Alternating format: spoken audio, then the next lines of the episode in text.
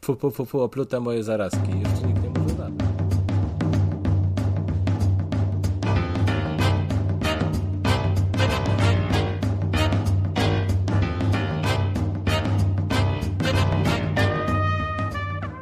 No w każdym razie, ogórki, ogórki kiszone. Takiego mam smaka i to nawet mi wchodzą takie te pizdryki sklepowe, nie? Ale ostatnio Korniszone. pojechałem do... Nie, ogórki kiszone. Korniszone to jest co innego w ogóle. No ale takie małe to nie są korniszony?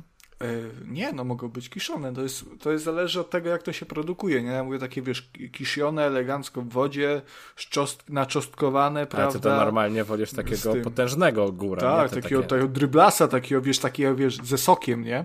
Węża E, takiego. Tak, i właśnie pojechałem, ostatnio u teścia byłem i przywiozłem, kurde, domowych takich ogórów, trzy słoje kisionych. Mm, kurwa, chrupkie skubańce, tak jak z tym tryska ten co, Jezus, to jest wspaniałego. Ach, ten teścio. Mm. Teścio czy teściu? Teść, Teść. teściu może być teść. Mam, mamy na intro. Zdecydowanie. Słucha? Oj Boże. Teraz już jest po ślubie, to się nic nie zrobi. Już twoje oplute, twoje zarazki, to już... Co? Co? No po ślubie to już oplute są twoje zarazki, to już nikt nie może ruszyć. Ale co jest za plut? No, żona. Kiszone, co? Kuba... Kuba, ja chyba... My, my musimy przeprowadzić poważną rozmowę na temat twojego podejścia do, do, do związku i w ogóle do... Tak się, tak się robi, się bierzesz coś i robisz pu, pu, pu, pu, oplute moje zarazki. Już ci nikt nie może zabrać. Kuba na swoim ślubie. Nie, ja po, Teraz pra- możecie się pocałować, a Kuba... ja po prostu kupi, ja po prostu kupiłem najpierw pierścionek, a potem obrączki, nie? A, no Ale you do you, nie? Wiesz, Jedni się silą na romantyzmy, drudzy harają na żonę. No. jak to, jak to partnerce odpowiada. Najważniejsza jest miłość. Miłość. A ona przybiera różne formy, tak? To łobuz, ko- łobuz kocha najmocniej. Kurwa. Dobrze, a my z miłością witamy was w 29. epizodzie Trójkastu za mikrofonami, jak zawsze Konrad Noga. Dzień dobry, cześć. I Kuba, ja Kuba cię Smolak, proszę, nie tfu, na, na słuchaczy. Ja wiem, że to są twoi słuchacze, ale, ale nie. Dobry wieczór Państwu i od razu proszę powiedzieć, kto zna tak, taką, nie, no nie zabawę, taką zaklepywankę. Pu, pu, pu, moje Chlebek. zarazki. Za, zabawa. Pu. Dobrze, i Kacper A. Cembrowski, czyli ja i witam was bardzo, bardzo Kuba miał serdecznie. trudne dzieciństwo chyba. Zdecydowanie tak. Szalone lata 90., co mogę powiedzieć? No. O Jezusie. No nic, przejdźmy w takim razie już do poważnych rzeczy, ponieważ e, no troszeczkę się, proszę państwa, działo Przez ostatni miesiąc. przez, no tam nie przesadzajmy, że od razu miesiąc, No, półtora. no w sumie tak, no dzisiaj mija miesiąc od publikacji ostatniego odcinka, więc tak, no. Ale zleciało. Tak się w tym życiu dzieje po prostu. Jeden, jeden lata na targi, drugi kupuje Peugeoty, no i, i co ja mogę? O, później. Tak, a, tak jak już ostatnio będzie- właśnie mieliśmy nadrabiać, to e zaległości, nasze perypetie, to teraz też się dużo wydarzyło. Na przykład Kuba przychodzi kryzys wieku średniego i chciał sobie kupić kabriolet. Okro, okropne i e, straszne, Piękne, ale piękne auto. jeste, jesteśmy, jesteśmy Kuba z tobą, wierzymy, że ta faza ci przejdzie i Nie. że jednak Z tego się jeszcze teraz tylko czerwone dreski z Adidasa, jakaś zaczeska taka wiejska i w ogóle będzie jak ta lala. A to nie rurki są na kryzys wieku średniego? Myślałem, że takie obcisłe rurki. To też, ale musi być w jakimś takim jaskrawym kolorze. Na przykład musisz mieć, czy, czy, czy, albo nie, na przykład takie zajebiście śnieżno-białe jeansy obcisłe i do tego czerwone adidasy. Także jak idziesz przez ulicę, to wszyscy wiedzą, oho, ten koleś ma problem z tym, że ma prawie 40 lat. To jest, jak, jak chcesz wiedzieć, jak się, jak się ubiera człowiek z kryzysem wieku średniego, to tak musisz sobie spojrzeć 10 lat lustro? wstecz. Nie, no, Przepraszam. to swoją drogą, ale 10 lat wstecz yy, i spojrzeć na to, co wtedy nosiła młodzież i co było modne w liceach. I to jest ubiór współczesnego, prawda, 40-latka z kryzysem wieku średniego. Czyli jeszcze trochę i wejdziemy w etap e, hipsterów 40-letnich na Nie ulicach. wiem, to teraz z jak- A to, a to już nie, nie jest ten etap? W sensie, że właśnie takie fa- No, chłopy w chyba w to- deli- delikatnie w to wchodzimy, no. Ale zaraz będą wąsiki, okrągłe okulary. No to już twoje pokolenie, no to... mhm. Jak teraz, jak teraz mi o tym mówicie, to jakiś mi się tak zwizualizował obrazek detektywa Rutkowskiego. To, to jakoś tak mi się A skojarzyło. to nie, no, Słuchaj, ale to takiej zaczeski to nie dasz rady zrobić. On akurat jest po prostu Ja nie czasowy, więc... Kochani, jak dobijecie pod tym filmem 100 tysięcy lajków, to w następnym odcinku Kuba opublikuje zdjęcie siebie w fryzurze detektywa Rutkowskiego. Ale to proszę się śpieszyć, nie, no bo to ja, ja- ja myślę, że taka- do fryzjera. To, to... Że Kubę przed tym chroni jakaś konwencja genewska czy coś, to nie możemy tego zrobić. No.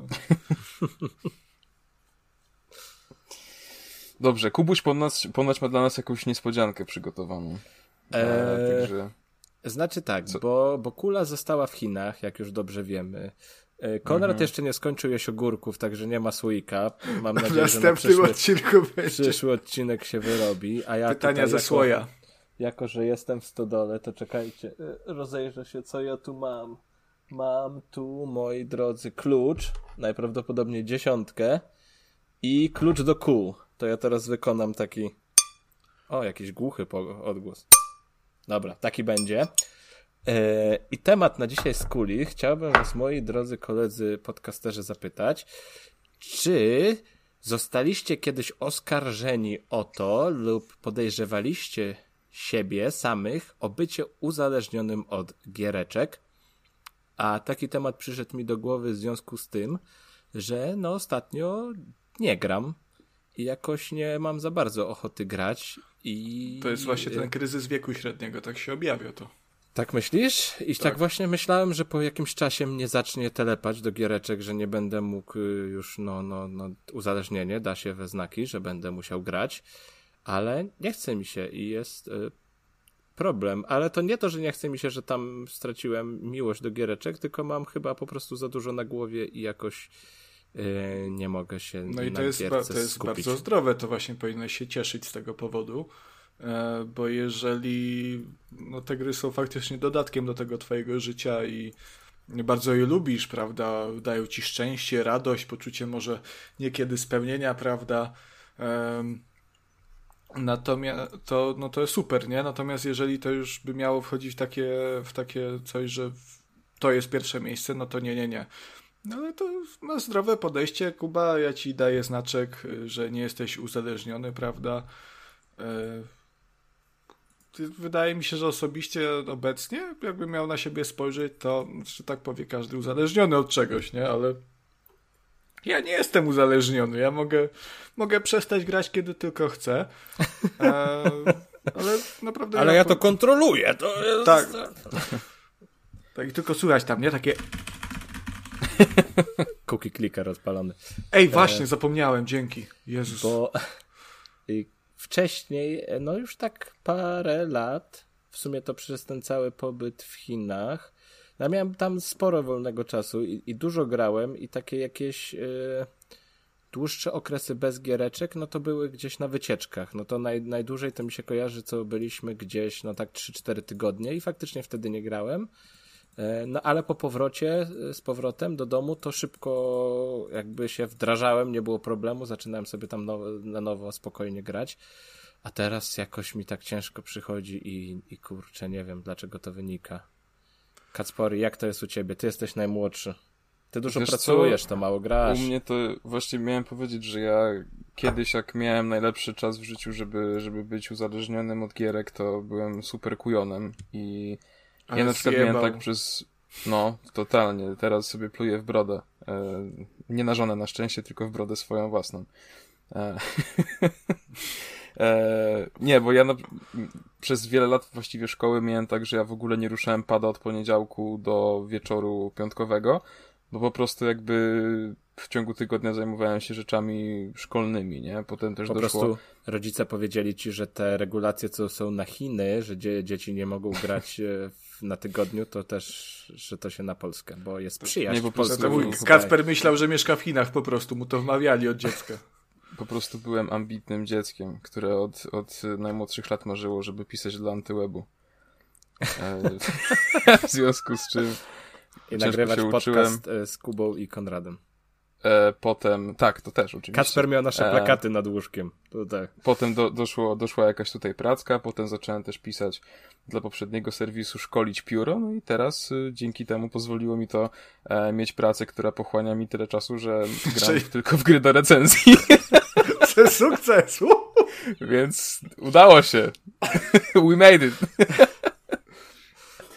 Także no, y, myślę, że, znaczy, myślę, że gdybym miał mniej zajęć w życiu, to mógłbym się uzależnić od grania, bo jednak to jest coś, co mi, co mi daje dużo frajdy, ale przez to, że jest po prostu bardzo dużo rzeczy do zrobienia, to nie mam po prostu kiedy po tego pada sięgać i często właśnie mam wręcz w drugą stronę, że e, aż jakby jestem w stanie przyznać, że gram mniej niż powinienem, uważam. W sensie nie chodzi mi o brak kompetencji w przypadku recenzji, broń Boże, ale e, cho- oczywiście nie, nigdy w życiu. Patrz, czujny E, jest, skubany jest. E, a- ale chodzi mi bardziej o to po prostu, że mm, gdzieś też przez fakt recenzowania gier i tak dalej zatraciłem delikatną przyjemność z grania i jestem pewny, że gdybym miał tego czasu więcej, to po prostu bym wie, czerpał większą, większą frajdę z tego, nie? Więc tego mi trochę brakuje, natomiast no może się to kiedyś zmieni, nie wiem. A jeszcze jedno pytanko w temacie powiązane. Czy usłyszeliście kiedyś od kogoś, że wy jesteście uzależnieni? W sumie kurde nie, tak żeby wprost ktoś mi powiedział to nie, ale, ale wiesz, no dało się wyczuć w rodzinie na przykład, nie, że bo jako dzieciak dużo grałem i dało się wyczuć takie, że o, tylko w tym, w ten komputer gra, nie, i tylko klik, klik, klik. Żadnych pieniędzy z tego nigdy nie będzie. Yy, no, A tu Zawodu by- proszę. Zawodu by się... Nadal nie ma. W moim, w moim przypadku.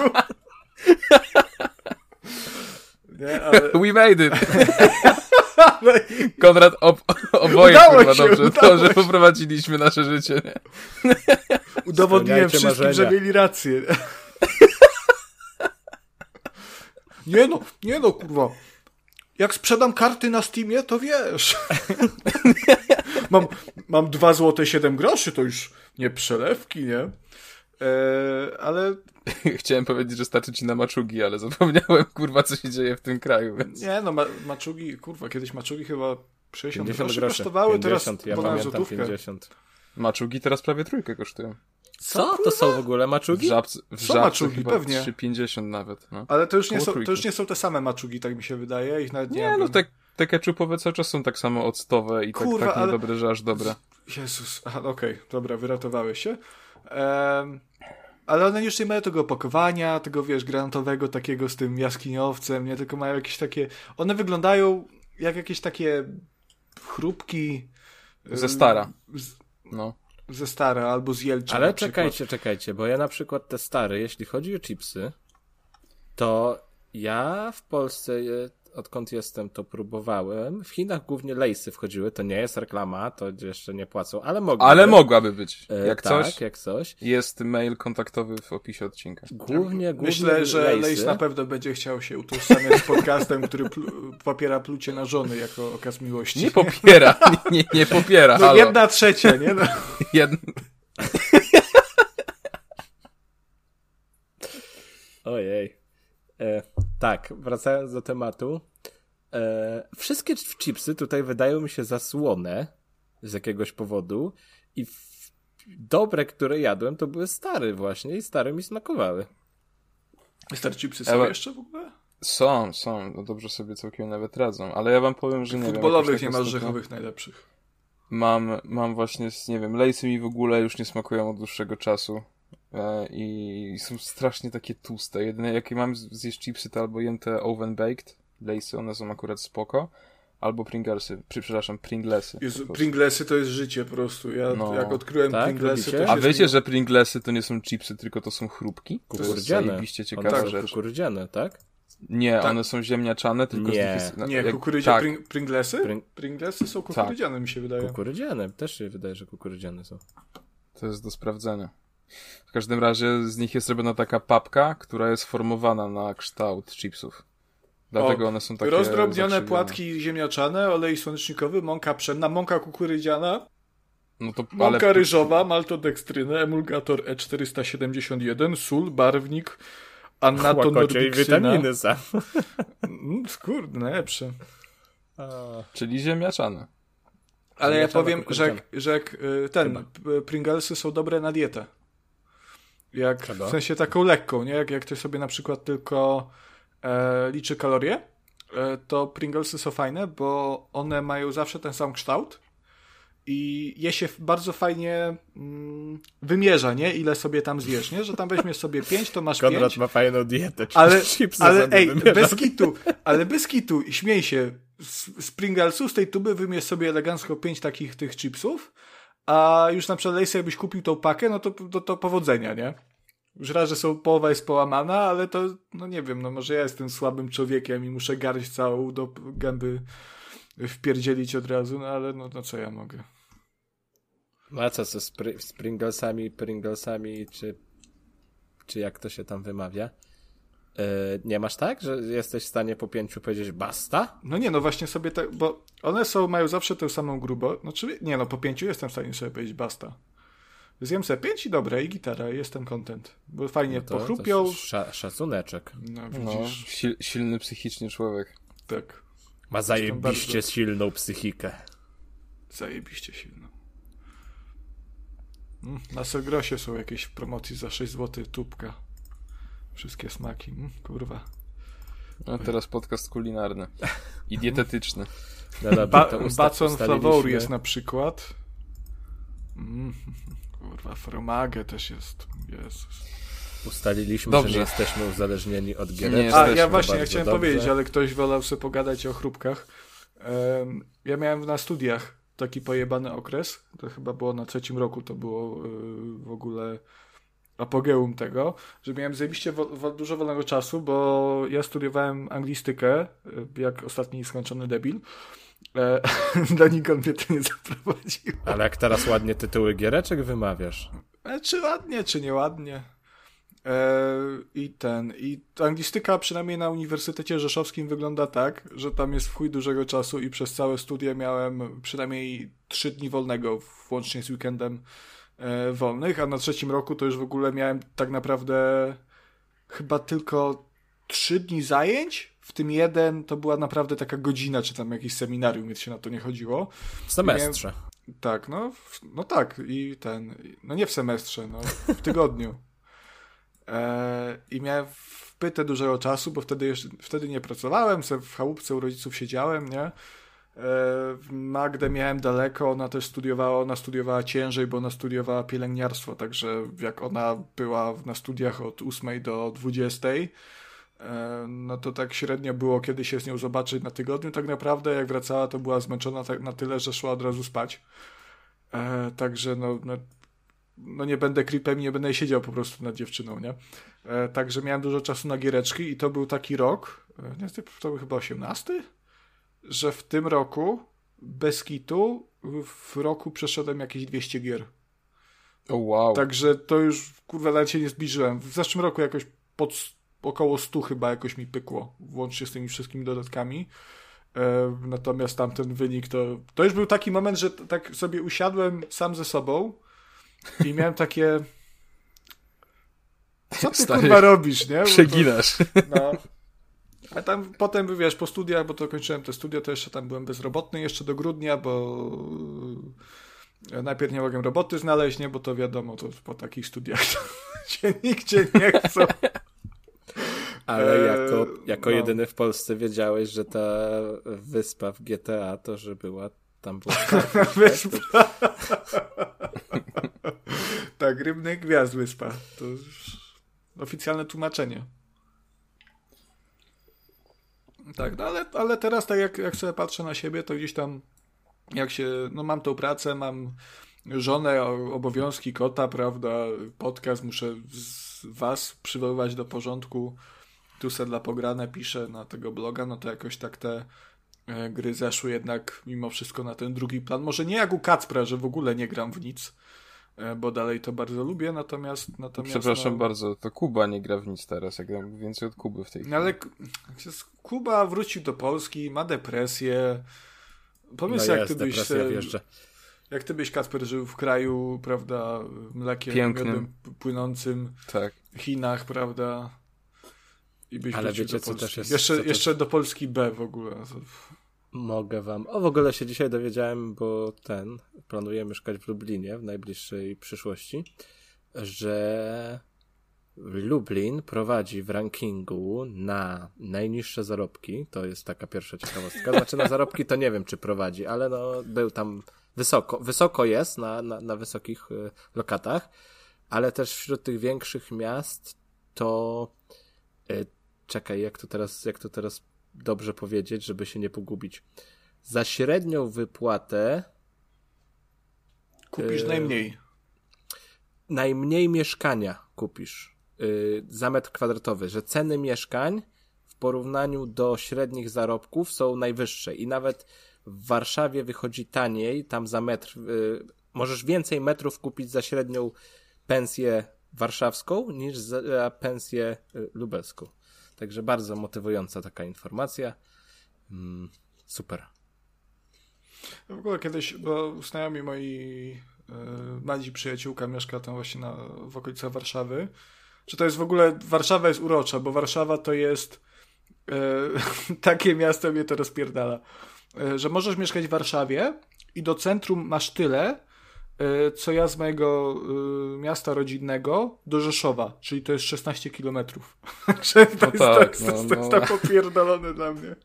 A co jest w ogóle śmieszniejsze, jako że teraz siedzę w, głęboko w temacie, to właśnie mieszkania na Ursusie albo na Niedźwiadku O, ja mieszkałem na często- Ursusie. są bardzo często droższe niż mieszkania na Woli, na przykład na Ochocie czy na Targówku. To jest super, super ciekawe. A bo- Wola jest lepsza, bo Wolą jeździł Karol Krawczyk tramwajem. No. Dobrze. Koniec tego dy. proszę państwa. Możecie mi przyśpiewać w tle, ja teraz przejdę już do poważnych rzeczy. E. Czekaj, jak się go wycisza. e, poważną rzeczą jest, proszę Państwa, Call of Duty. E, a do, dokładniej Call of Duty na PlayStation, które, jak się okazuje, wkrótce może zniknąć z tego PlayStation. E, oczywiście takich plotek było bardzo dużo przy okazji tego, jak e, Activision Blizzard został zakupiony przez Microsoft. Natomiast potem tam mówili, że nie, na pewno nie, potem coś tam mówili, że te, że tak, by takie pitu pitu.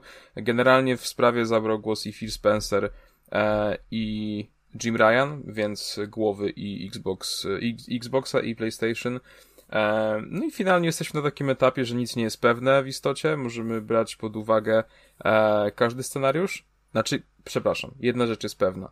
Kolejne trzy odsłony e, będą jeszcze na 100% na PlayStation. Tylko, że jest to, że tak powiem, niewiele, ponieważ no, jedną z tych odsłon będzie Modern Warfare 2, który wychodzi w tym roku, a drugą będzie prawdopodobnie Warzone 2, który też ma wyjść w tym roku bodaj, lub w przyszłym bodajże. E, więc e, przygoda Call of Duty z PlayStation może bardzo szybko się e, skończyć. A przypominam też, że do tej pory e, to PlayStation miało dużo umów z Activision w kwestii Premier Call of Duty i tam były chyba jakieś myki, że, że tutaj akurat tego nie jestem pewien, ale że gra była dostępna dwa dni wcześniej, czy trzy dni wcześniej na Nie wiem, PlayStation. nie wiem jak sama gra. Wydaje mi się, że bety mogły być wcześniej i na pewno PlayStation dostawało wcześniej jakieś. Właśnie nie wiem, jak, jak to potem było, bo Call of Duty w pewnym momencie wprowadziło, chyba po czwartych Black Opsach, wprowadziło e, te darmowe dodatki, co już się w sumie stało takim standardem małym. E, Ale przynajmniej do tamtego czasu i myślę potem, że, że tak czy tak, e, te wszystkie nowe mapy, nowe jakieś ci operatorzy, nowe uzbrojenie, że to trafiało chyba wydaje mi się, że jeżeli nie z miesięcznym, to przynajmniej z tygodniowym wyprzedzeniem na konsolę PlayStation, bo w momencie pre, jakoś premiery ósmej generacji konsol PlayStation zawarło deala z Activision właśnie, że em, to właśnie PlayStation będzie teraz nowym domem Call of Duty. Wcześniej e, tak było w przypadku Xboxa 360. Taka ciekawostka. No właśnie tak, tak, tak. Oni tam mieli jakieś tam swoje. Randkowali, że tak powiem, nie? No teraz nie wiadomo, jak to możliwe, że skończy się to rozwodem. Może pluli po prostu na żonę i, i tak w końcu wydarzyło jak się, jak się wydarzyło. Zobaczymy, czas pokaże. Eee, druga rzecz, czyli proszę Państwa, jeśli nie siedzicie, to usiądźcie, ponieważ y, to jest... y, Czy ja mogę wstać, ja mogę usiąść? A jak ktoś jest na, Możesz. na spacerze na przykład z psem, to, to co ma To zrobić? tak, ma znaleźć ławkę. Albo usiąść na trawniku. Nie, na znalazł- betonie nie, bo wilka dostaniesz. Teraz się jakby chłodno znalazł robi. tę ławkę, tę te, te, te, te, te z Polską, z tą mapą, tę instalację, o, to by było najlepsze. To musisz uklęknąć. Was... Zapowiedziano DLC do Cyberpunka 2077. Oficjalnie. Yeah! Uuu, yeah. DLC Super, fabularne, które nosi tytuł Widmo Wolności. Nie poznaliśmy dokładnej daty premiery, wiemy jedynie, że e, gra poja- przepraszam, DLC pojawi się w przyszłym roku. E, wiemy też już, że będzie tam Johnny to nie jest Silverhand, widmo czyli wolności. To jest widmowa wolność już prędzej. oficjalne ulotna, tłumaczenie niepe- niepewna może. To Weź ich, weź ich Konrad, popraw. Bo tam nie ma off, to jest Phantom Liberty, nie? Tak, ale Tak czy nie? e, ja no tak, ale jest też polski tytuł, który jest Tak, widmo wolności, Widmo a to nie wiedziałem. Tak. Ej, kurde, to czekaj. Nie film z roku 1974. Francusko-włoska tragikomedia. Tragikomedia to był Cyberpunk 2077 w dniu premiery. A faktycznie, widmo wolności. No to już im tam wyślę maila, nie? Co, że tam mają źle. Bardzo dobrze. Trochę wstyd, Jednak ale... widzisz, te Ktoś, trzy, ktoś trzy lata bierze maila od się Konrada przydały. i siądzie i o kurwa. Ale, ale w topo, uff. I akcje znowu w dół, znowu przekładanie. Także jak przyłożą DLC, to przez Konrada teraz będzie. Jezus, jeden pluje na żonę, drugi kanceluje Cyberpunka. Okropny jest ten nasz podcast, powiem wam szczerze. No słuchaj. No więc, z, z bardzo krótkiego trailera, który trwa niecałą minutę, mogliśmy się dowiedzieć, że V będzie służył Trwał. lub służyła e, jakiejś e, e, armii nowych Stanów Zjednoczonych. I to właściwie wszystko, co wiemy. E, w każdym razie, co jest istotne, to jest to, że to DLC będzie wyłącznie na, e, jeśli się nie mylę, na nowej generacji i na Stadii. E, No i na PC. więc, no tak, i na PC-tach. E, I co jest jeszcze ciekawe, y, zapowiedziano również aktualizację 1.6, która wprowadza dużo rzeczy e, kosmetycznych e, z tego anime, które niedługo debiutuje na Netflixie, czyli Cyberpunk Edge Runners. Także fajnie, anime zapowiada się bardzo, bardzo dobrze. Mm, więc cóż, no, wydaje się, że, że wszystko idzie w dobrą stronę. Ja nie ukrywam, że na to, na to DLC bardzo czekam, bo w sumie jak tak ostatnio oglądałem jakieś materiały z tego, jak teraz wygląda Cyberpunk, to chętnie bym do tego Night City wrócił, a też to Netflixowe anime bardzo mnie nakręca do tego, więc e, jestem naprawdę zaintrygowany i cieszę się, że wreszcie coś się dzieje e, i że wreszcie ten dodatek będzie. Jeszcze mając na uwadze ostatnie DLC CD Projektu, e, czyli Krew i Wino oraz Serca z Kamienia do, do Wiedźmina 3, no to wydaje mi się, że możemy mieć oczekiwania bardzo wysokie. Które mam również nadzieję, że zostaną spełnione. Ja bym chciał tylko zaznaczyć, że to było bardzo mało patriotyczne nazwanie krwi i wina oraz serc z kamienia e, DLC. To jest rozszerzenie. DLC No. to tam, tam na tym zgniłym zachodzie wydają. Ale chyba jest bardzo ważne to, że porzucili tę stare, starą generację, że porzucili i. e, Tak, i to jest no bardzo może, dobra decyzja. Może będzie teraz zrobione dobrze, solidnie.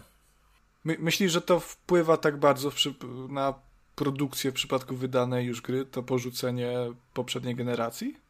Nie wiem tego, bo nie wiem, jak tam się im pracuje na tym ich silniku i co tam się dzieje, e, ale tak mi się wydaje, że jakby sobie na przykład Cyberpunka odpuścili na stare generacje i on by był tylko na nowe generacje, to by było dużo lepiej. No to nie no, w tym, No i- w tym przypadku tak, nie, to jest fakt niezaprzeczalny, prawda, fakt autentyczny wręcz. E, Natomiast no, w przypadku dodatku, czy, czy pewnie mogę sobie pozwolić na więcej, jeżeli chodzi e, o rozbudowę świata, lokacji, prawda, jakieś ciekawsze rzeczy. No ale no, skoro to już działa na tych starych konsolach, No właśnie działa, czy to nie jest za duże słowo? No gdzie mówiłeś, strony, że nie, no spoko, na wiesz, PlayStation obe... 4 może 20 klatek było, ale, ale i tak Obecnych fajne. deweloperów Series S bardzo wstrzymuje i, i jakby ciągnie do tyłu, a co dopiero Xbox One czy, czy PlayStation 4. Wydaje mi się, że po pierwsze, no to co powtarzamy notorycznie, już ta generacja ma prawie dwa lata, już najwyższy czas odciąć pępowinę z tą poprzednią generacją. Po drugie, CD Projekt y, wszystkim posiadaczom e, gry na poprzednią generację dał darmowy upgrade do nowej generacji, więc jakby nic nie stoi na przeszkodzie, nie? Dobrze, Kacper, ja, no, ja się to... z tym zgadzam, nie? To wiesz, to ja jak najbardziej tam niech te Xboxy One i PlayStation 4 y, niech to wszystko zginie, nie? Zwłaszcza PlayStation 4, bo to już tak wyje, że to tylko dobić. E, natomiast wiesz, to nie, nie mówimy tutaj o zupełnie nowej produkcji. Nie wiem, Cyberpunk 2077.2, nie?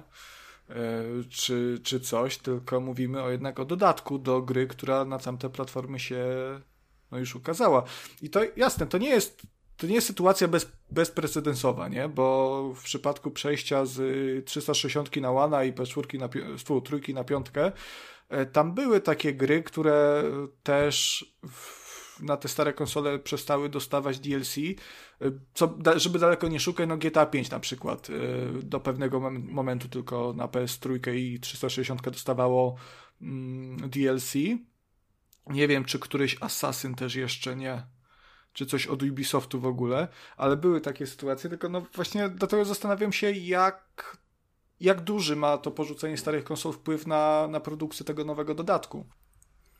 Myślę, że to też jest kwestia kosztów, bo mm, no to DLC ma być DLC fabularne, zapewne będzie wprowadzać nowe lokacje, przynajmniej tak się plotkuje, e, więc no będzie to wymagało sporo pracy, a stare generacje potrzebują osobnych asetów, więc to są dodatkowe koszty, dodatkowe godziny pracy, Mm, pytanie, czy też w ogóle jest sens. Czy to są nowe asety, czy to jest po prostu przeskalowane w dół?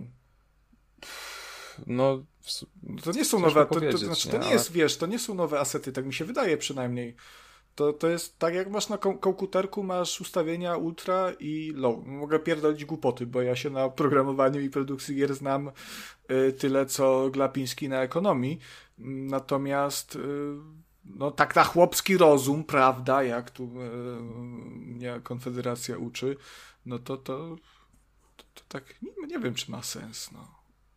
W sensie mi się wydaje, że to może też jest, nie wiem czy to jest konieczne, w sensie ja absolutnie jestem za tym ruchem, natomiast nie wiem czy to jest potrzebne, ale wydaje mi się, że to też jest jakby sposób na uniknięcie ewentualnych porażek kolejnych na zasadzie, że faktycznie ktoś by odpalił na PS4 dodatek i okazałoby się, że on działa podobnie do tego, jak działał Cyberpunk na premierę na starej generacji i e, po prostu już chyba chcą się skupić tylko na tej nowej, gdzie mają dużo lepsze możliwości i po prostu mogą wykrzesić z tego dużo więcej.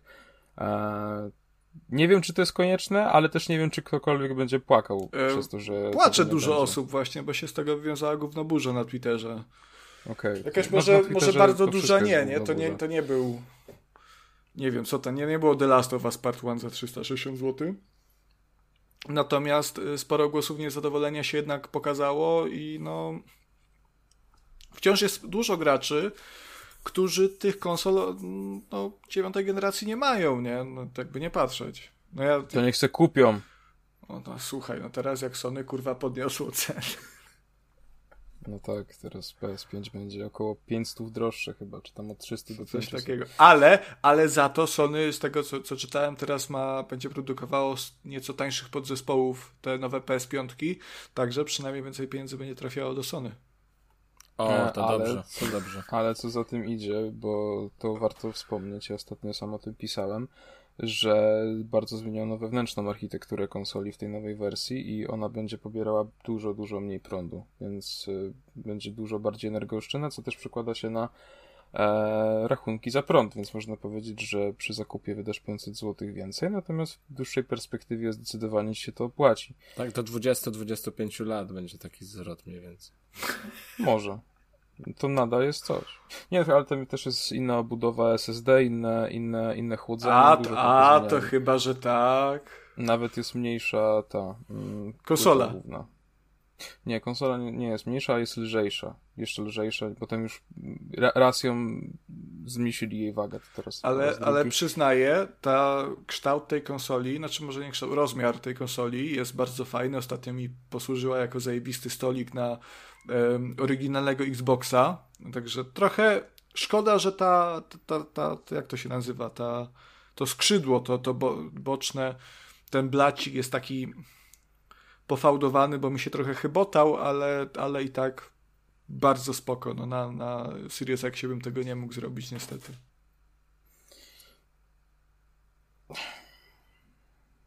Kacper mógł dostać zawału. W ogóle a propos e, skrzydeł PlayStation 5, nie wiem czy widzieliście ostatnio, ale Sony zapowiedziało nowy wariant kolorystyczny e, paneli Super, do ekstra. konsoli. i- Kolorki. I, e, tak, i kontrolerów.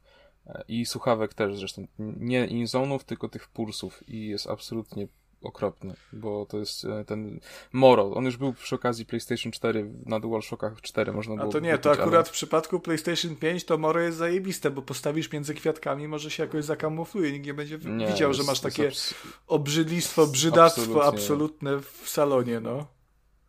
Nie, w sensie ten, znaczy no nie wiem, ja nie jestem Paprotkę na ogólnie tym fanem postawisz, Moro. już będzie lepiej. A, Wtedy a przyjdzie złodziej do domu, Moro. rozejrzy się i powie, gdzie jest pad? Nie ma pada. Jesteś zaszczędzony już. No, no, złodziej to faktycznie złodziej tylko tego pada by mógł wynieść, bo po samo PS5 by potrzebował taczki, a to już przy włamie tak średnio jest poręczne. Dobra, koniec. Będzie nowy Assassin's Creed. E, zapowiedział, Ubisoft już Yeah. przyznał się do tego, że będzie. Będzie miał podtytuł e, Mirage. Konrad wstydzę się. Przeczytaj. E, Assassin's Creed Mirage. Mirage. E, I co ciekawe, znaczy nie wiem, czy to jest ciekawe. Jedyne co wiemy, to jest to, że akcja gry przeniesie się znowu na Bliski Wschód, więc można Do Bagdadu powiedzieć, chyba. czy to Prince of Persia, czy to pierwszy Assassin's Creed? Nie, to nowy Assassin's Creed. To, jest, E, to ma chyba stanowić prequel w ogóle, znaczy jakby nie patrzeć, to nawet Odyseja i, i Origins były prequelami, nie? Ale takich troszkę bardziej bezpośredni prequel jedynki z tego, co, co gdzieś tam mi mignęło. E, Gdzieś tam były plotki chyba, że w ogóle główny bohater ma być w jakiś sposób e, spokrewniony z Altairem. Ezio Auditore da Afri... Aha. To, Ech, e, Altair to jest ale to też, bo postać. ja nie wiem, czy wiesz, nie? No jako, że, że Ezio jest przodkiem. Ja nie wiem, czy Ezio nie jest właśnie w ogóle jako, jakoś też spokrewniony z tym, ale jakby to jest jedna wielka rodzina, nie? No bo to wszyscy prowadzą Desmonda tam z, tam, z tamtego okresu asasynów, złotego zresztą, a wręcz platynowego. E, na- Natomiast tutaj, Wow. tutaj e, to pokrewieństwo jak jakoś ponoć ma być, ma być e, bardziej bezpośrednie, ponieważ jest, nie pamiętam jak ten bohater się nazywa, jakiś tam Ba- Bazim, coś takiego. Michał. Bazim, może Michał Maciek, Maciek z Bagdadu, e, że on według plotek ma być synem Ryszarda Lwie Serce, e, który teraz, uwaga, spoiler z gry, która ma już teraz 15 lat. A nie, czekaj, bo nas znowu skancelują na Jak, forach. jak chcecie, przewincie sobie tak dosłownie 15 sekund. Altair jest też synem Ryszarda. E, What? Także, także gdzieś to tam ma być. Jak, e, wyciekły też grafiki chyba z DLC, bo to było na sklepie Ubisoftu się pojawiły te grafiki w ogóle i ma być, e, to jest nazwane jako e, The Forty Thieves Quest, czyli tam... Ale kocie, ja wiem, że ty jesteś podekscytowany, nowy asasyn i fajnie, ale upraszaj się o zachowanie ciszy i kulturatne nasłuchiwanie. Zaraz mi piwo strąci, no. E, W każdym razie, e, to ma bazować, no to można się po nazwie e, domyślić, no bo to 40 złodziei, mm, ma bazować na opowieści o 40, o Alibabie i Rozbójnikach. 40 rozbójnikach, tak, to jest takie, takie przypuszczenie. Sezamie, chyba- otwórz się. I tak sądząc po nazwie, to nie, nie będzie chyba jakieś takie duże DLC, typu tam, nie wiem, ta Atlantyda do Odysei, y, czy te inne tam a, francuskie gówna z y, Walhali. No bo to ma quest w nazwie, nie? No to, to zakładam, że to będzie to jedno z tych takich y, gówno rozszerzeń do trybu fabularnego, które są dodawane do Season Passa albo ym, do wersji Day One, nie? Ale ty mówisz DLC już do tego nowego Tak, tak, Assassina? tak, do Mirage, no. Wow, to szybko działają. No bo Nie, bo to powiem, wiesz, że yy, to myślałem, musi być, że wszystkie ta... DLC musi być gotowe, zanim wydadzą grę, bo to trzeba Ale pociąć to, na to kawałeczki. znaczy, wiesz co, bo jakby to umówmy się, no standardem stało się to, że y, gry dostają na day one, też chyba żeśmy rozmawiali o tym w poprzednim odcinku, y, dostają rozszerzenia, czy to są jakieś kurwa skórki do dupy, ale, ale na przykład Ubisoft robi też tak, że faktycznie Aha, dostajesz jakieś zadanie. Tak, DLC. tak, tak, tak, tak, tak. Okej, dobra, Tak mi nie. się wydaje, bo na, na to przynajmniej dla mnie wskazuje to quest w nazwie, nie? E, Okej, to okej. się- Nie, mam cały czas spaczone podejście, w sensie ja DLC traktuję jako dodatek, taki jak na przykład do Cyberpunka, no coś dużego. Więc jak słyszę DLC, to mam bardziej coś takiego w No głowie. ty, młody jak- jest, ty młody jesteś. Natomiast właśnie to, co chciałem powiedzieć, to kurczę, myślałem, że ta Valhalla mnie na tyle gdzieś wymęczyła, że mam dość na, na jakiś czas, a powiem wam, że, że tak jak patrzę na te graficzki i tak sobie myślę o tej zapowiedzi, to kurczę, troszeczkę się jaram, nie ukrywam. Gdzieś to E, tak... E... Mnie też to cieszy, y, bo nie, wydaje mi się, że to będzie ciekawy okres historyczny i też miejsce akcji jest takie no, nieoczywiste, bo te umówmy się, te wszystkie trzy ostatnie asasyny były takie trochę okej, Egipt, e, no i w Egipcie może nie ma dużo gier, ale, ale już Grecja, nie, to, to wiadomo. Ale Grecja w sumie była bardzo podobna E, do tego Egiptu. Wiesz co, nie, nie grałem. było- Ostatnio przeszedłem sobie Odyseję, bo dostałem w prezencie urodzinowym od żony i jakkolwiek bym nie był obrażony na te asas asasyny nowe, e, bo dalej uważam, że to są asasyny wyłącznie z nazwy, to nie ma absolutnie nic kurwa wspólnego i nawet fabularnie praktycznie to nie ma żadnych powiązań z Assassin's Creedem jako takim. E, No to jako giereczka, jako takie, takie y, niezbyt wymagające chillowe RPG to są bardzo fajne produkcje. Mm, Także a, a Mirage ma ponoć y, być takim powrotem do korzeni serii e, i taką swego rodzaju amalgamacją starej formuły z tą nową, czyli tam na przykład wróci e, ten wzrok orła, nie? Ale też jednocześnie będzie pan orzeł, który sobie śmiga tam po, po, po, po jak, jako taka dronka, nie? Po niebie. No, Że su- super, czyli tak. dwie funkcje, które absolutnie nie mają żadnego sensu. Będą No jak? w Ty nie grałeś w Asasyna tak, że sie- siedziałeś w krzakach i sobie oznaczałeś wszystkich?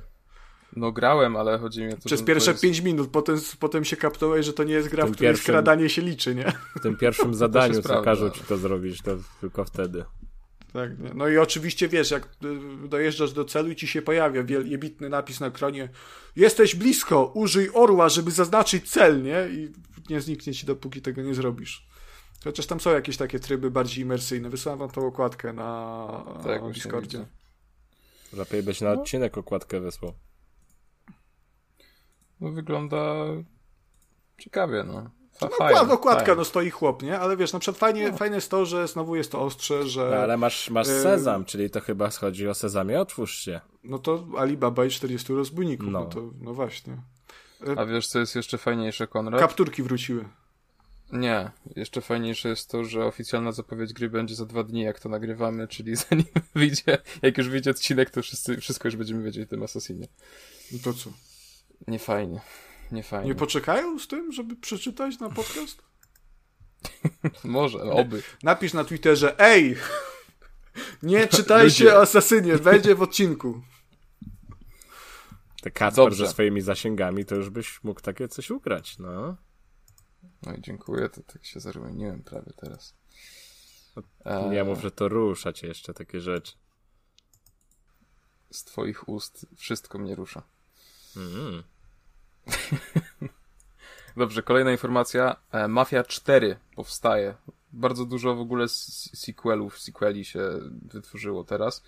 E, także seria, która no chyba w, podczas drugiej części miała swój prime time, e, będzie kontynuowana. To za, o, zapowiedziano z okazji dwudziestolecia e, premiery, pre, premiery pierwszej części, także e, no wydaje mi się, że spoko. Co A to nie ja było jestem wiadomo już jakimś- jakieś 100 lat temu? Było, ale, Nie, ale nagrywaliśmy ostatnio 100 lat temu, nie? Mimo, nie, ale jest mi się wydaje, że coś- z coś- 29 sierpnia. Kojarzą mi się coś Dokładnie. takie newsy, że, że ta mafia, że seria poszła po prostu w ręce innego dewelopera, coś mi się To już było, kojarzy. tak, ale to chyba były jakieś takie pogłoski chyba wtedy dopiero, nie? Że, że powstaje coś nowego. A, a ten. W ogóle ja bym Kuba, chciał tylko powiedzieć a propos sequeli w ogóle, nie? bramki.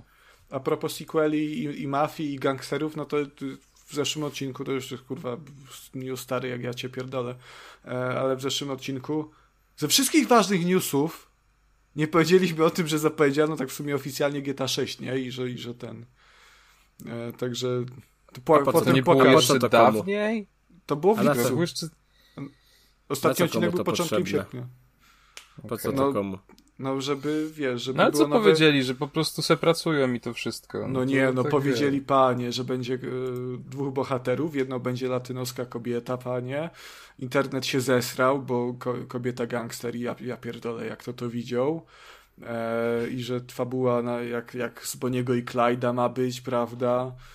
Także no, no, no nie wiem, no ja się, ja się jaram, bo jestem no, to jednak taką rockstarową kurwą i... To, to brzmi dość dumnie, powiem ci. To dumnie, no, wiesz co, jestem taką dumną... Konrada, Konrada się brało w las tam. I ja, jestem, ja jestem dumną rockstarową kurwą i Rockstar mnie przy każdym GTA, przy każdym Red Dead Redemption mnie bierze do lasu i ja idę bardzo Z chętnie. Chyba, że wypuszczają takie gówno jak, jak y, GTA The Trilogy, The Definitive Edition, to ja wtedy zgłaszam gwałt, nie? Na, na moim honorze jako graczu i, i fanu Rockstara, bo to jest potwarz i tak być nie może. O. Ale GTA 6 bardzo fajnie sobie kupię. Nawet może na premierę za, za 360 zł. Prawda, jak jest jedna rzecz, to to, to tak, to to, to tak. Czyli mamy też już dwa newsy w jednym. I ostatnim newsem, jaki przygotowałem na dzień dzisiejszy, jest to, że uwaga, Dead Island 2 powstaje. Ej, to jest, e... to jest w ogóle, mnie to jednocześnie zajarało i jednocześnie mnie absolutnie nie obeszło. A właśnie ja mam tak, że mnie to już w ogóle nie zajarało. W sensie, jak słyszę Dead Island 2, to już mam takie dajmy, pozwólmy już temu umrzeć. Kiedy, kiedy zapowiedzieli dwójkę? 13 to był? To był 8 lat chyba temu E3 chyba. w 2000, chyba w 14, wiesz? 14. E, ale to, był, no, to było E3 właśnie no, bardzo dawno temu. Ja Na pamiętam, tyle dawno ja temu, pa... że już wszyscy zdążyli o tym zapomnieć, a jeszcze Dying Light po prostu zaorało potrzebę powstawania Thailand, więc... E, ja pamiętam ten trailer, co nie to jest, był chyba ten rok, co Kacper do komunii szedł. Szła do bierzmowania prędzej. To mogło być to. E, mnie to jarało strasznie, bo w sumie ta jedynka mi się całkiem podobała. E, I ten trailer był fajny, bo tam była ta muzyka taka. Nie, był fajny. To był ten trailer, fajny gdzie ten był. sobie biegł ja, i tam była jakaś laska i takie, o, ja sobie biegnę w słuchawkach, jestem crossfitowcem, a za mną jest apokalipsa. Ej, jest fajny, takie... bo muzyka była fajna, był fajny flow. Ja pierdolę, Kacper, tobie się po podobają najbardziej takie jakieś hipsterskie, Gościu, młodzieżowe dzieci Fajne reklamy to wczoraj mogłeś sobie obejrzeć na przykład konferencję Apple'a. Tam były świetne zapowiedzi, trailery i reklamy. Jezus, to, to jest jak klasa. ty możesz być jednocześnie najmłodszym dzieciakiem, jakiego znam, a jednocześnie najstarszym umysłowo człowiekiem? No weź, w tobie siedzą dwa wilki. Jeden się jara Kojimą i, i, i Saints Row i ten, a drugi, drugi się, siedzi i słucha konferencji Apple'a i się cieszy, bo o, taki słucha, sam siedzi, słucha telefon. konferencji Apple'a i pracuje. No, ale nie, Dead Island 2 bardzo mi się podobało, tam mówię, y, to nie jest żadna sztuka, żeby ten trailer pamiętać, bo on mimo wszystko był bardzo pamiętny, bo on, nawet jak ci się nie no, podobał, to... tak cringe'owy, że ciężko go zapomnieć, to prawda. Tak, muzyka była fajna, ja potem jej słuchałem, to tam było chyba The Pigeons Bomb, Natomiast coś takiego. Pytanie, czy to jest potrzebne, w sensie mieliśmy jedynkę, która była spoko, było, potem było to Riptide, które było właściwie kalką no. jedynki no. i było takie średnie i nie wiem, obawiam się, wiecie, że, że ta dwójka to jest tak... Yy... Że ona już nie żyje. Znaczy, no właśnie... Jed...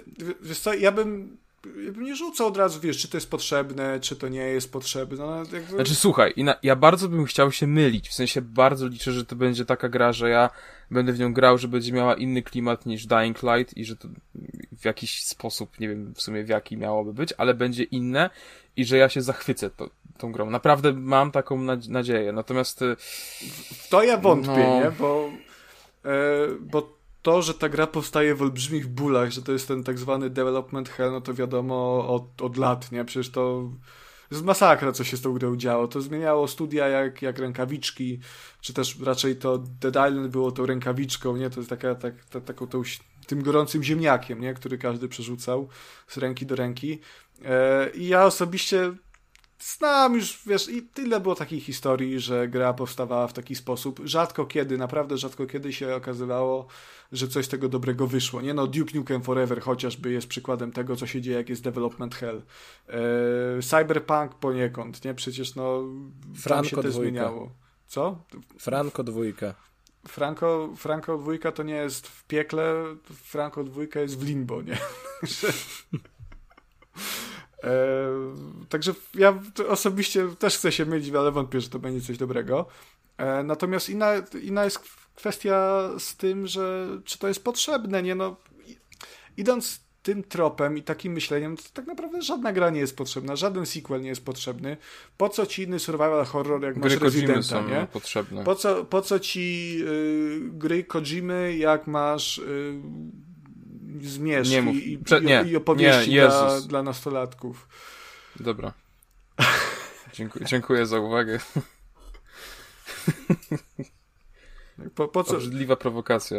Jest, po, co, po, co, po co grać Death Stranding, jak sobie można Supernatural obejrzeć w telewizorze i wychodzi na to samo, nie? No jakby każdy, każdy inaczej na to patrzy, to jest coś, każda gra coś, coś wnosi jakoś do tego wszystkiego. Nawet jeżeli to jest do dupy i to jest bardzo odtwórcza gra, to w, dorzuca te dwa grosze do tego, że gracze zaczynają być tym, tym gatunkiem zmęczeni i się pojawia taki, wiesz, e, taka, taka naturalna fala, że ludzi pragnących zmiany, nie? I może przestaną kupować jakieś te, te same gry.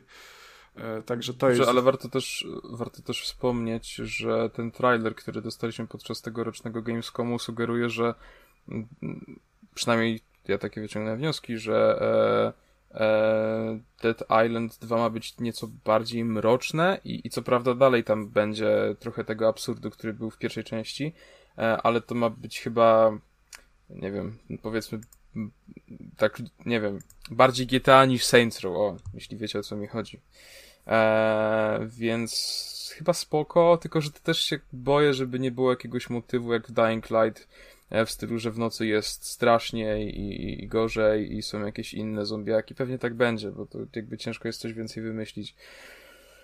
Ale no nie wiem, no czekam. No, mam też wrażenie, że poza kłopotami z, z deweloperami, to, to gra troszeczkę zatraciła tożsamość po drodze i ona sama nie wie, czy chce być takim y, jakby śmiesznym festiwalem absurdu z zombiakami w tle, czy bardziej czymś poważnym.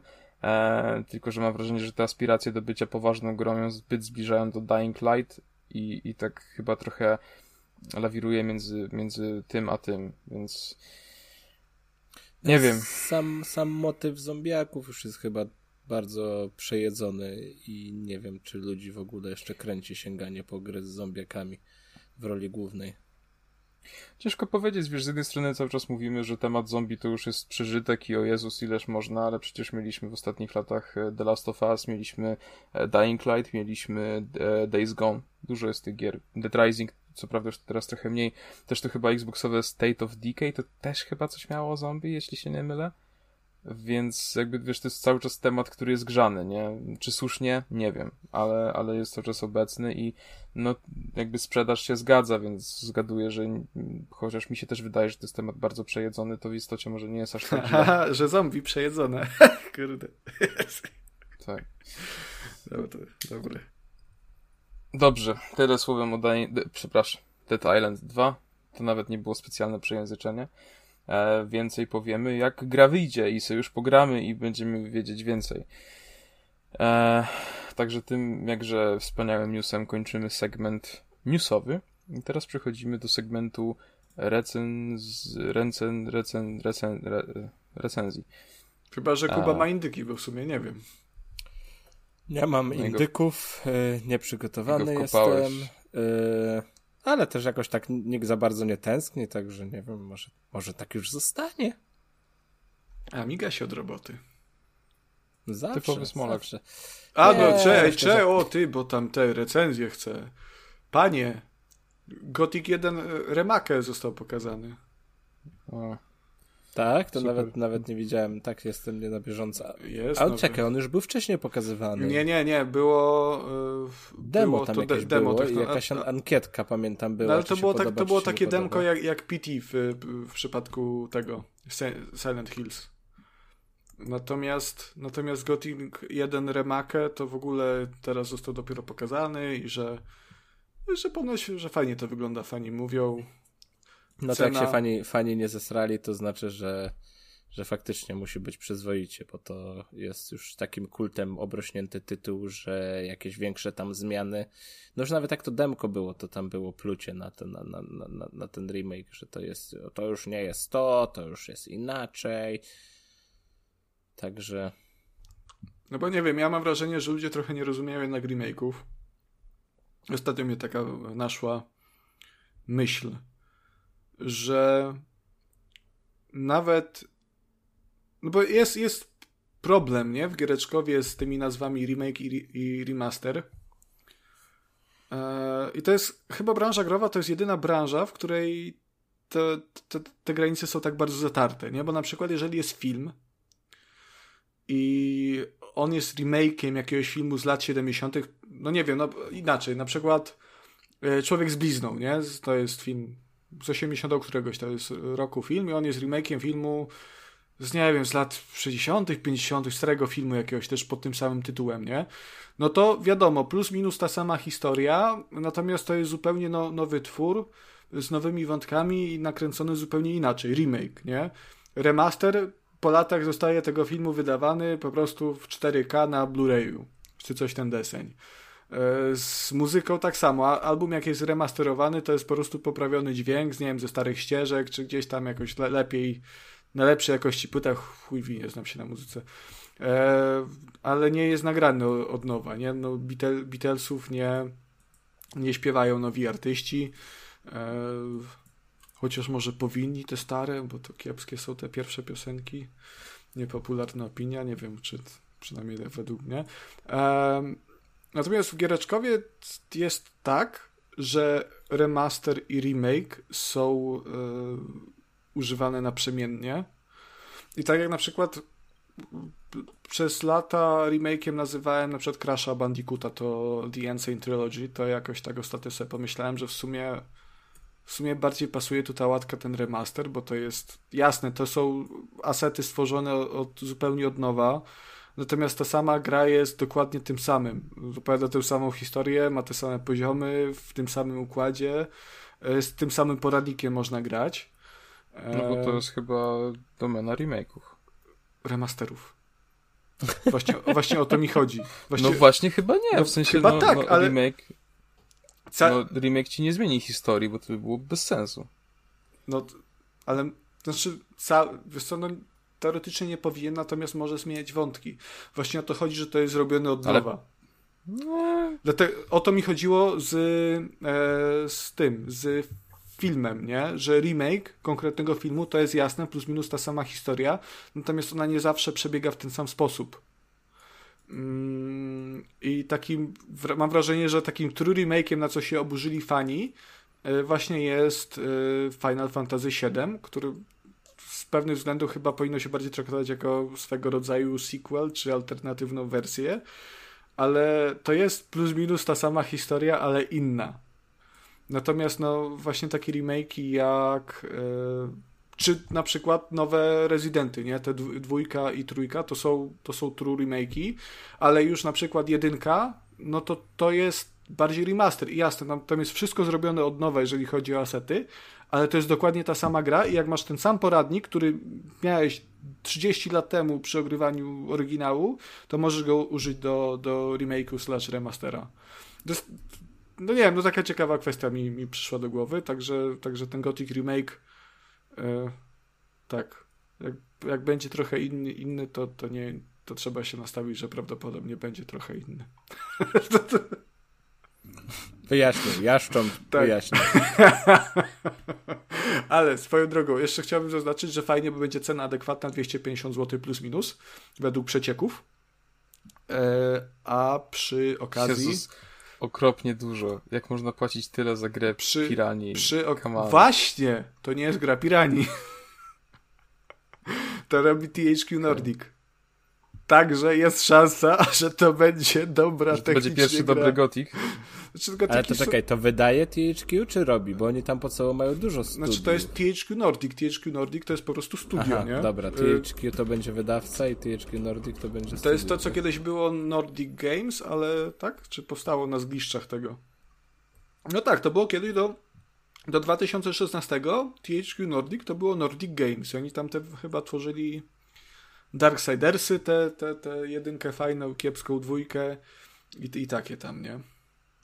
Dobrze, to właśnie chciałem powiedzieć, że stworzyłeś mi doskonałą narrację tą dyskusją. Ale czekaj, czekaj, E, czekaj, bo teraz sobie No wpisuję i chuj, i THQ przychodzi Nordic. Smolak, nie masz, No. nie masz fajnego przejścia. No i na, na tak na, na szybko po prostu rzuciłem na, na Google i oni mają tutaj wypisane podmioty zależne Pirania. No to mogą do nich Możemy- należeć, ale możemy to nie, nie ten. tracić czasu na rozmowę o tak Ale Embracer Group nieistotnych rzeczach. Panie koleżko, bo jest różnica. THQ, w ogóle to jest jajca, bo THQ Nordic działało jako. Tak? Czy kurwa, co jest? To może ja powiem swoje i wy TH, czekaj. poczytacie w tym czasie i Cze, czekaj, czekaj, czekaj. THQ Nordic działało jako, zarówno jako wydawca, jak i producent do 2016 roku i wtedy to było jako Nordic Games, wtedy powstał THQ Nordic, GmbH i THQ Nordic AB. I THQ Nor- Nordic GmbH to jest producent, który się przekształcił w nic, bo jest dalej THQ Nordic GmbH, a THQ... ja myślałem, że Xbox głupio nazywa swoje konsole. Ty, a widzisz, a Sega miała zajebiste nazwy, bo tam było jakieś Sega, kurwa, N9, takie to jakieś te dziwne. Nintendo też tak ma fajne nazwy wewnętrzne. E, I THQ Nordic AB się przekształciło w Embracer Group. To, to jest ta spółka, która wykupuje te wszystkie gry, nie? Także Wszystko Tak. wykupują. tak, dlatego ci się pomyliło. I Pirania Bytes, Pirania Bytes pewnie tworzy Alexa 3 i, i specjalnie dla ciebie, żebyś sobie pograł. Bo wiem, że nie możesz się doczekać po prostu, żebyś tak to Alexa tylko byś grał i grał. Ale... Tak jak patrzę na te deski, które tutaj się gdzieś po stodole są porozstawiane, to mam idealne miejsce na ich studio, także tu spokojnie można w drewnie operować. Po co jak już masz gotowy produkt? Po co szlifować? To już, już mogę? Czy, czy jeszcze Proszę, proszę, wrzucić coś szybko w Google'a? E, dobrze, to wrócę. Może jakoś Konrad to zdoła sprytnie zmontować. Ym, E, pewnie nie. Ale. Dzięki, W sensie- dzięki, wiesz? Nie, mordo, nie chodzi mi o to, że źle montujesz, bo bardzo dobrze. No i to jest niezręczna sytuacja w tej chwili, gdzie nie wiem. Jeszcze, jeszcze patrz, jeszcze nie skończył, zaciął się, jakby mu to przez gardło nie mogło przejść. Skurwesyn, patrz. Nie chodziło mi o to. No, No. dobrze. Cały, Myślałem, cały, ja myślę, że- że cały ten odcinek trzeba zremakeować. Myślałem, że cały ten, e, cała ta dyskusja Konrada dotycząca remake'ów i remasterów zrobi mi idealny podkład pod recenzję The Last of Us Part 1. E, w każdym razie wyszło z tego tak zagmatwane coś, że właściwie to e, chyba tylko sytuacja się pogorszyła. E, w każdym razie mm, dostaliśmy od PlayStation e, Polska e, kodzik na The Last of Us Part 1, czyli remake pierwszego remake pierwszego The Last of, The Last, The Last of Us. E, gry, która wyszła bodajże w 2013 roku, która ma już 9 lat, prawie dekadę zatem, więc e, mm, w teorii gra dość stara. No i jak słuchaliście naszych poprzednich odcinków, a na pewno to robiliście, to doskonale wiecie, że e, no poddawaliśmy chyba ze mną na czele. E, To mówię, że fajne tego- PlayStation. no właśnie pod tym względem nie do końca, bo ja się zastanawiałem, czy ten e, remake jest jakkolwiek potrzebny, jeszcze łącząc to ze wszystkimi doniesieniami a propos tego, że ten remake miał e, ubić e, sequel Days Gone, e, które w mojej ocenie było bardzo dobrą Ale czy grą. sequel jest, Days Gone był potrzebny? To mało jest gier takich jak, nie wiem, Dying Light, Otwarty Świat Zombie, State of Decay jest, no to po co kolejny taki Days Gone? Bo był bardzo fajny i opowiadał bardzo ciekawą historię. Były też e, wątek e, z motocyklami, naprawdę z hordami. To była bardzo świeża gra. E, I popis Band Studio, także e, no, co swoją drogą tutaj mogę wtrącić tylko e, off-topem na szybkim, że e, Days Gone dostanie swój serial. Także przed premierą tego, tego The Last of Us Part 1 miałem bardzo duże wątpliwości, nie ukrywam, czy, czy jest to dobra decyzja. I po ograniu tej gry w sumie nie jestem w stanie na to pytanie odpowiedzieć, jak mam być z wami szczery. E, po pierwsze, no warto mieć też na uwadze, że The Last of Us otrzymało remaster na PlayStation 4, który też miał w sobie już zawarty dodatek Left Behind. Świetny dodatek, zresztą jeden z lepszych DLC uważam, jakie kiedykolwiek powstały. Mm, I teraz otrzymał ten... drugi remaster, który nazwali remake'iem. No, nie wiem, czy no to wkraczamy znowu na to niebezpieczne pole remasterów i remake'ów i tego, jak to jest dokładnie ta razie, sama no... gra w każdym aspekcie, tak, tylko podbita graficznie. Gra. To jest remaster. A nie ma tam kilku no. scen zmienionych delikatnie? Mm, nie oglądałem żadnych porównań. Ale grałeś? Ostatni raz... Tak, ale sam ostatni raz w oryginalną grę grałem z no nie 9, ale z 6 lat temu, bo miałem drugie podejście przy remasterze. O, no jakbyś był, e... jakbyś rzetelnie podchodził do recenzji, to byś przeszedł też poprzednią, czy poprzedni tak, oryginal na PS3, tak. a potem remaster na PS4 i dopiero potem remake na PS5. Tak. Przepraszam, że nie jestem dostatecznie rzetelny i że poświęciłem tylko 25 godzin na recenzję zamiast 75. A podcast na tym cierpi, kolega. Jak 25? Czemu 25 godzin? No nie wiem, no 20, no 18, no nie wiem, coś to koło jest 20. gra na 10 no. godzin. Kacper, ty jesteś strasznie słaby w gry. jak, jak bez powodu zawsze się mówi, że jak, jak masz poziomy trudności, to to najniżej nazywa się dziennikarz, nie? A i tak jest trudno, nie? tak, a i tak zgniotę tego pada w rękach i ocieram pot z czoła za każdym razem. E, no w każdym razie, no e, tak, tak jak powiedział Konrad, to jest dokładnie ta sama gra, e, co 9 lat temu i co remaster sprzed, nie wiem, 5-6 lat. E, ciężko mi powiedzieć, bo, bo akurat tej daty nie sprawdzałem. E, więc dla kogo jest ta gra skierowana? Co też ważno, warto powiedzieć, ona wyszła teraz tylko na PlayStation 5, a jeszcze nie na PC-ty. Na PC-tach się ona pojawi, natomiast nie wiemy kiedy. Jak mam zgadywać, to y, wydaje mi się, że bardzo będzie zbliżona data premiery The Last of Us Part 1 na PC-ty, e, kiedy będzie już blisko premiery serialu The Last of Us na HBO. E, I wydaje mi się, że to jest też jeden z głównych powodów w ogóle powstania tego remake'u, żeby graczy, graczy, y, gracze PC-towi mogli doświadczyć tego przed obejrzeniem serialu, który zapowiada się bardzo, bardzo dobrze, e, żeby się zaznajomić po prostu z tą marką, z którą warto się zaznajomić, bo The Last of Us tutaj też chciałbym zaznaczyć, to jest gra naprawdę wybitna mm, i muszę przyznać, że nie spodziewałem no. się, że... Jest, nie, jest, fabularnie, jest, jest wybitna. fabularnie. Z, z, tym nie będę, nie będę nawet dyskutował. E, no nie no, natomiast... No ja mam problem z tym, czy to jest gra wybitna. Ona jest fabularnie naprawdę doskonała. Jeżeli chodzi o scenariusz, jest prześwietna. Natomiast czy gameplayowo to jest gra wybitna? Uważam, że tak. Uważam, że nawet biorąc pod uwagę e, jakby jak wyglądał oryginał w 2013 roku e, i zważając na to, że ta gra wyszła na, na PlayStation 3 jeszcze, to uważam, że The Last of Us jest e, bardzo innowacyjną grą. Pod jakim I pod względem? Pod względami przełomowa. W jaki sposób? Co, co tam było przełomowego? No gameplay to dużo no to, osób się czepiało, że... Ale no o to chodzi, no wiesz, jakby ja jestem, żeby nie było, ja jestem bardzo dużym fanem tej gry i ja byłem w y, jedynce absolutnie zakochany i nie mogłem się doczekać dwójki, potem wiadomo, okazało się, że, że gramy babą, no to nie. Y, a tak naprawdę nie miałem PS5 na wyjcu, nie chciałem w to grać. E, natomiast daleki jestem od stwierdzenia, że pierwsze The Last of Us było grą innowacyjną i przełomową. To, był, to była gra bardzo dobra. Ona była bardzo dobrze zaprojektowana i e, dopracowana przede wszystkim.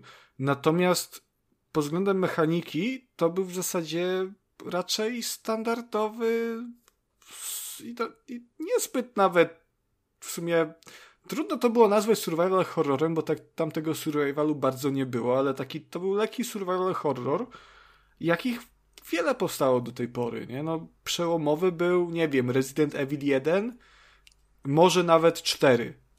Natomiast The Last of Us, ono mogło być po, przełomowe pod y, względem, nie wiem, fabuły i po, pod względem tego, jak E, ta fabuła była prezentowana, nie no, zwłaszcza w tamtych latach, na tamtej generacji, no ale no mówmy się, no nie pod względem gameplayu, no znajdujesz deskę, masz deskę, oszczędzasz amunicję, bo mało i, i przekradasz się pomiędzy panami grzybami, nie? No to, to nie jest przełomowe. Dobra, ale bardziej chodzi mi o to, że e, miałeś na przykład e, w sensie, no nie wiem, mi na przykład się bardzo podoba motyw tego, że miałeś rozwinięty ten crafting, że poza tym, że były te animacje, jak na przykład podnoszenia tych śrubek, które pozwalają ci, e, są bardzo ważne podczas gry, że jakby widzisz, jak twoja postać faktycznie sięga po te śrubki za każdym razem. To na tamte czasy to było. Ja wiem, że teraz to brzmi śmiesznie. Znaczy to, to nie jest, mamy, to nie jest gameplay, to jest detal, to jest animacja.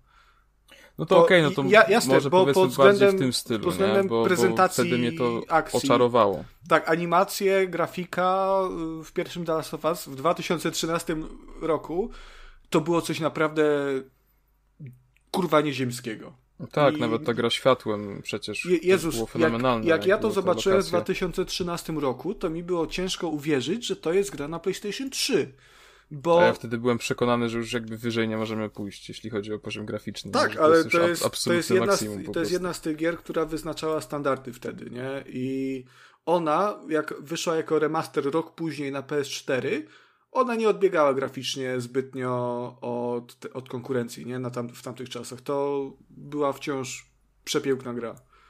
Jest to dzisiaj, nie? Jasne, widać.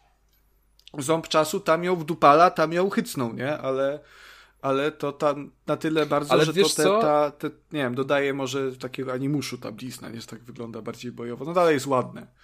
Ale ja bym powiedział właśnie, że yy, w sensie ja na to zwróciłem uwagę dopiero jak yy, Sony zaczęło pokazywać te porównania yy, z remake'iem. Bo kiedy widzisz tak po prostu tak. dopieszczony remake, który wygląda no bajecznie, bo ta gra naprawdę The Last of Us Part 1 jest przepiękna, e, do czego właśnie chciałem płynnie przejść, e, to dopiero w momencie, kiedy widzisz porównanie z tym remake'iem, to możesz dojść do wniosku, że okej, okay, to The Last of Us pierwsze wygląda już jakby czuć, czuć że ta gra ma prawie tak, dekadę. To jest PS3, ja... nie? To już tak, tak.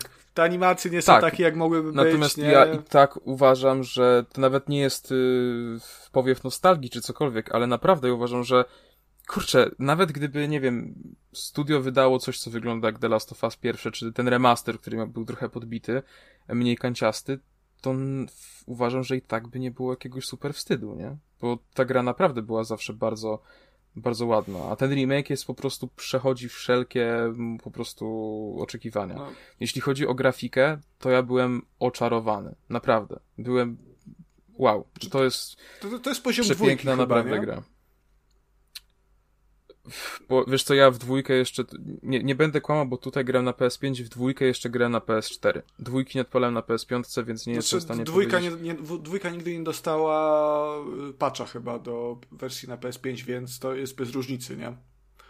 Okej, okay, no to no bardzo, bardzo zbliżone. To jest, to jest ten sam silnik, to są te same jest... asety, więc tam mogła się zmienić rozdzielczość, nie wiem, może oświetlenie troszkę zostało podbite, ale plus minus mi się wydaje, że to jest y, dokładnie to samo.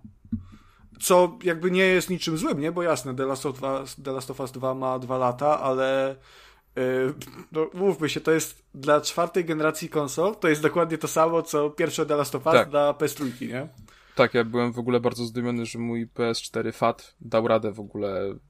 W sensie, że byłem w stanie przejść The Last of Us 2 na PS4 FAT, nie? Bo jak ja odpaliłem tę grę po raz pierwszy, to miałem takie wow. Naprawdę, w sensie to jest Naughty Dog ogólnie lubi pod tym względem zaskakiwać i te ich gry mam wrażenie, to też nie jest chyba przypadek, że The Last of Us 1 zamykało generację e, PlayStation 3, a The Last of Us 2 zamykało generację PlayStation 4, e, bo te gry po prostu nawet, zawsze się mówi, że wyciskało ostatnie soki, ja mam wrażenie, że tutaj już te soki jakby zostały przeciśnięte, mm. jakby zrobili więcej niż ten sprzęt mógł tak. uciągnąć, nie? Ja, ja zawsze podaję dwie takie gry jako dowód na to, bo jak jak jeszcze królowała PS4 i Łoniak, to zawsze tam się mówiło, że e, no te, te konsole to już one mają prawie 10 lat, to, to, to, już, to już zdycha. E, natomiast potem się ukazywało taki Red Dead Redemption 2, The Last of Us 2 i nagle się okazywało, że te gry mogą działać płynnie stosunkowo, bo to 30 klatek plus minus, pewnie ze spadkami, i wyglądać po prostu zniewalająco, nie? Także są takie studia, yy, konkretne studia, które jak wypuszczają grę, to wiesz, że to będzie maksimum, a nawet troszkę więcej to, co jest możliwe na obecną chwilę w grafice, nie? Yy, to jest Rockstar, to jest właśnie Naughty Dog, Co tam jest jeszcze takiego fajnego? Jakie Nintendo. są studia? E, No. no nie wiem, czy możemy wyróżnić, e, ale Santa Monica z God of z 2018 roku też e, zaskoczyło. myślę, że tak, bo ten God of War dalej PS4. wygląda na, naprawdę w pytę, nie? Po, po czterech No tylko, latach. że to nie? jest, to jest jakby jedyna gra ich, która zasługuje na takie miano, więc nie wiem, czy, czy Ja, możemy ja wiem, z. God... Nie, nie, nie, nie, co ty? Y, No Ga... w sumie God... God of War'y, one od zawsze były, rozpierdalały graficznie. Zobacz sobie, jak wygląda na y, PS3 bazowym Ascension. Y, On wygląda kurwa niesamowicie po prostu. Y, Trójka też, nawet do dzisiaj, nie? Jak, ja grałem akurat w remaster na czwórkę, ale God of War 3 z 2010 roku też wygląda mega. Y, I w ogóle to, ty tego nie pamiętasz, ja też nie, ale dużo o tym oglądałem filmów na YouTubie. God of War 1 i God of War 2, one wychodziły kolejno w 2005 6 albo 7 i to były gry i on wydane wtedy wyłącznie na PS2, kiedy już była PS3 e, i to były gry, które sprawiały, że ludziom opadały po prostu szczęki, bo one z PS2 wyciągały po prostu wszystko, co tylko było możliwe. I to były gry i są takie rozmowy y, z właśnie z targów. Nie wiem, czy ja tego nie widziałem u, te, u y, Michała Pisarskiego, tak? Bardzo możliwe. Profesorski dużo robi takich Wydaje mi się, że u niego to widziałem. Mm, właśnie są fragmenty wywiadów tam z pokazów War'a, e, pierwszego na PS2. To był tam ten 2005, dwójki, przepraszam, 2005-2006 rok to był wtedy. Także 360 była, P- PS3 była, a ludzie po prostu pytali się, że po co mi jest nowa konsola, skoro gry na PS2 wyglądają tak jak God of War 2. Także Santa Monica, ona ma historię też e, wypuszczania takich gier. Tylko problem jest taki, że o nich się nie myśli w tym kontekście, mam wrażenie, ponieważ e, oni taki sukces, sukces odnieśli dopiero z War'em, bo tym nowym. Bo ten nowy War sprzedał się chyba lepiej niż wszystkie poprzednie części razem. Nie wiem, szczerze powiem, że tutaj nie wiem, natomiast no, na pewno sprzedał się wybitnie, no bo to jest też gra wybitna, wiem, że ty tam marudzisz na tą mitologię nordycką, natomiast... Czy to, to jest, wiesz, to jest, to jest, ja nie, No nie, nie marudzę na mitologię nordycką, ja Mhm. marudzę na Kratosa, natomiast y, ja wiem, że God of War jako gra jest w pytę, nie, także... Doskonała, tak. Czekamy na Ragnaroka. Przynajmniej ja czekam bardzo. Na PC-tach. No, Na ja Xboxie. przykład na PlayStation. Na Switchu. Dobrze, W Game Passie. okropne rzeczy się tutaj mówi, także przejdźmy, wróćmy do recenzji The Last of Us Part 1. E, także gra wygląda naprawdę nieziemsko i twórcy się ewidentnie postarali e, i no to jest, to jest faktycznie remake. Nadal mówię, Czy- nie czy jestem jest przekonany, czy... Nie będę o tym dyskutował, bo się i tak nie dogadamy. Dokładnie E, to samo, tylko ładniejsze, to jest remaster, sorry. Nic się tam nie zmieniło. Tak, Poziomach. ten remake. E, jest naprawdę bardzo, bardzo ładny i, i uważam, że jest, no, no, cały czas jest na czym zawiesić oko. Guzik od screenów po prostu może wam przestać działać na, na kontrolerze. Od razu mówię, jest też photo mode, także doskonała sprawa. E, i, to jest też chyba coś, co mnie w ogóle. Nie wiem, czy są gdzieś jakieś statystyki w grze, natomiast jestem prawie przekonany, że w photo mode spędziłem co najmniej dwie godziny, nie? Robiąc po prostu różne. To dlatego różne... 25 godzin ci wyszło na koniec, jak Konrad mówi, że gra na 10. No jeszcze wiesz, jeszcze DLC było. No nie wiem, znaczy no tak po prostu palnąłem, no około 20 myślę. Dwójka była dużo dłuższa, nie? Bo dwójka zajmowała z 24 chyba. Nieważne, nie, nie ma to znaczenia w tej chwili. E, w każdym razie twórcy też dodali bardzo dużo nowych możliwości, żeby jakby dostosować grę do swoich własnych potrzeb. W ten sposób na przykład dostajemy e, zaawansowane opcje poziomu trudności gry, e, które przejawiają się chociażby tym, że możemy mm, Wyłączyć przeciwników. sobie nie, niestandardowe zachowanie przycisków na kontrolerze, Em, ale też The Last of Us y, w remake'u dostało dużo ułatwień. Na przykład możemy sobie dużo y, włączyć ułatwienia e, w eksploracji.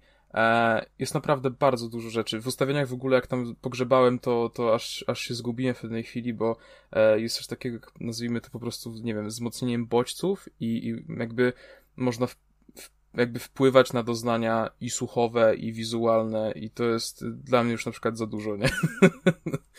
E, więc e, natomiast. Co, no, to, co to znaczy, przepraszam, bo ja nie, nie rozumiem.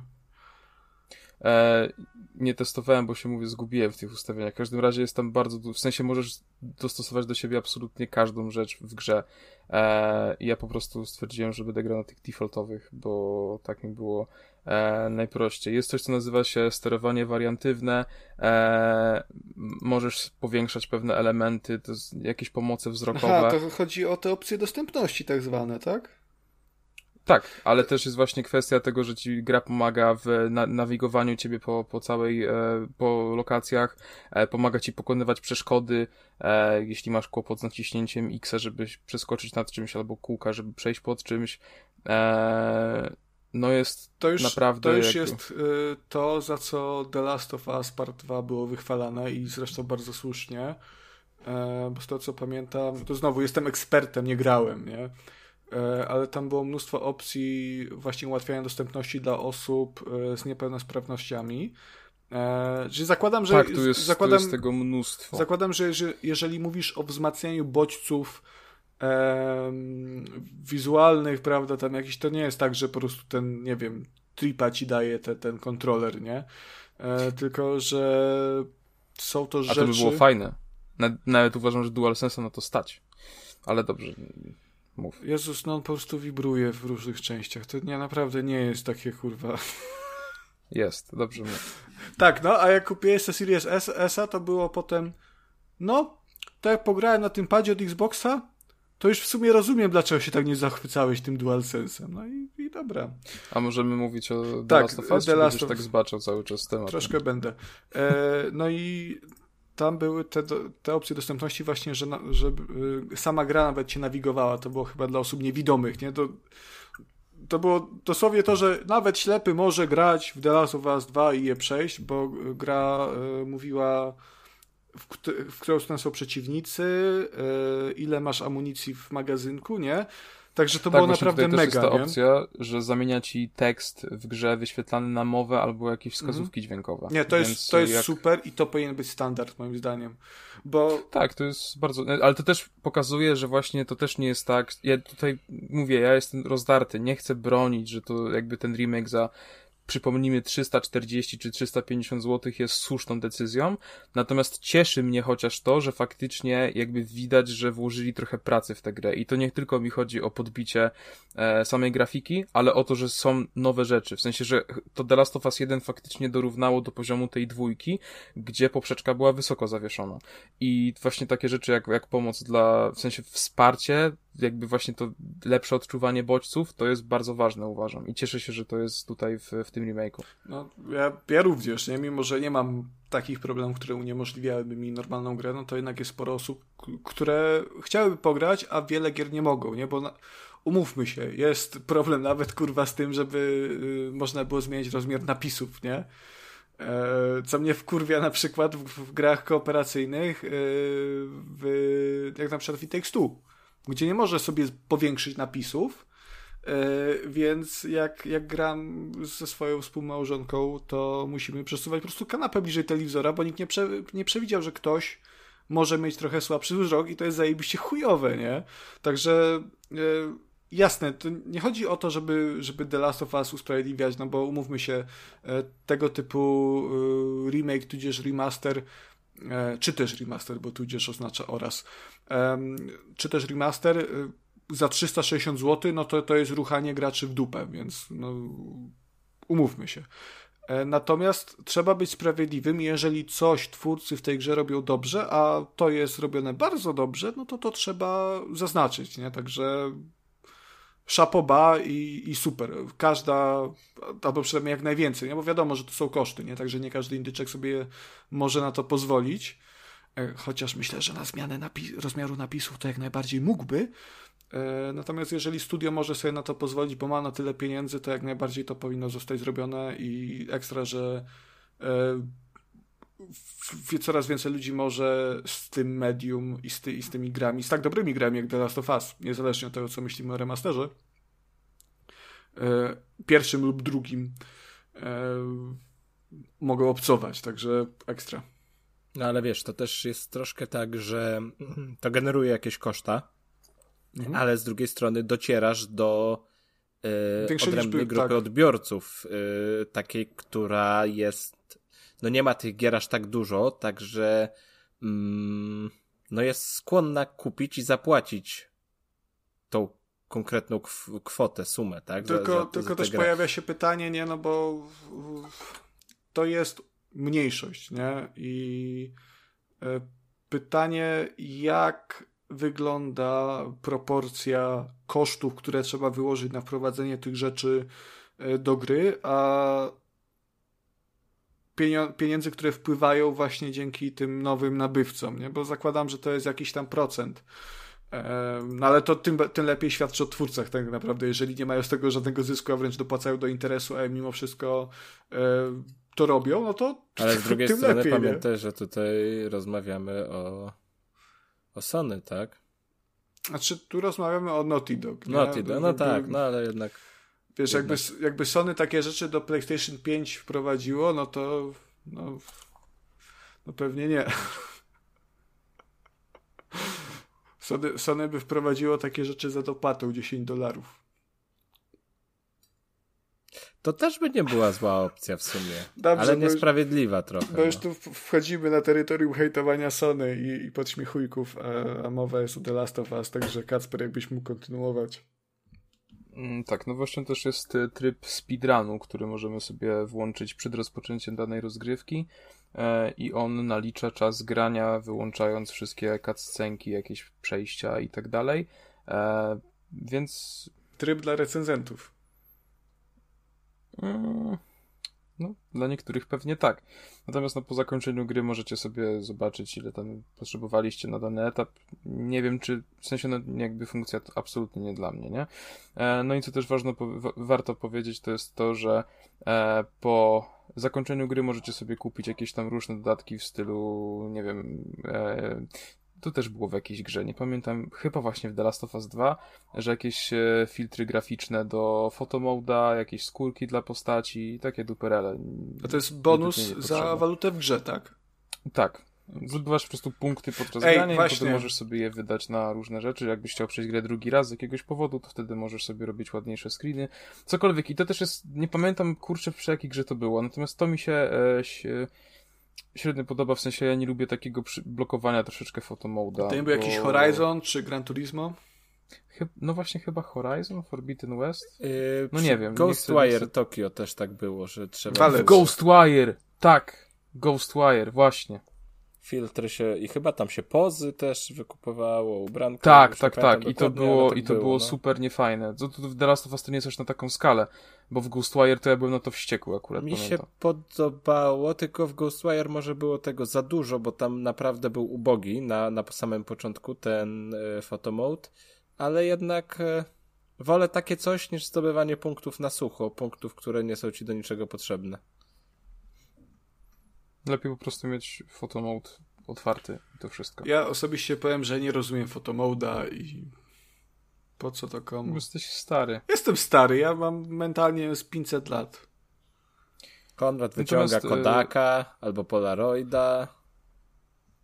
Jeśli chodzi o samą historię, wydaje mi się, że nie ma sensu się tutaj zagłębiać. To jest ta sama historia, co była, natomiast muszę tutaj, ciekawostka, muszę przyznać, że chociaż to, był moje, to było moje trzecie podejście do, do, The Last of Us pierwszego, cały czas gdzieś te emocje były, nie? W sensie, mimo tego, że doskonale wiedziałem, co się stanie i doskonale wiedziałem, jak pewne rzeczy się potoczą, e, to ta narracja jest tak świetna cały czas, że, że bez kitu gdzieś tam te, te łzy czasem leciały i tak dalej, nie? Więc mm, to też jest dla mnie super interesujące. Ja też jestem osobą, która nie ma w zwyczaju wracania do gier, no chyba, że w takich przypadkach jak tutaj to jest inna, inna sytuacja.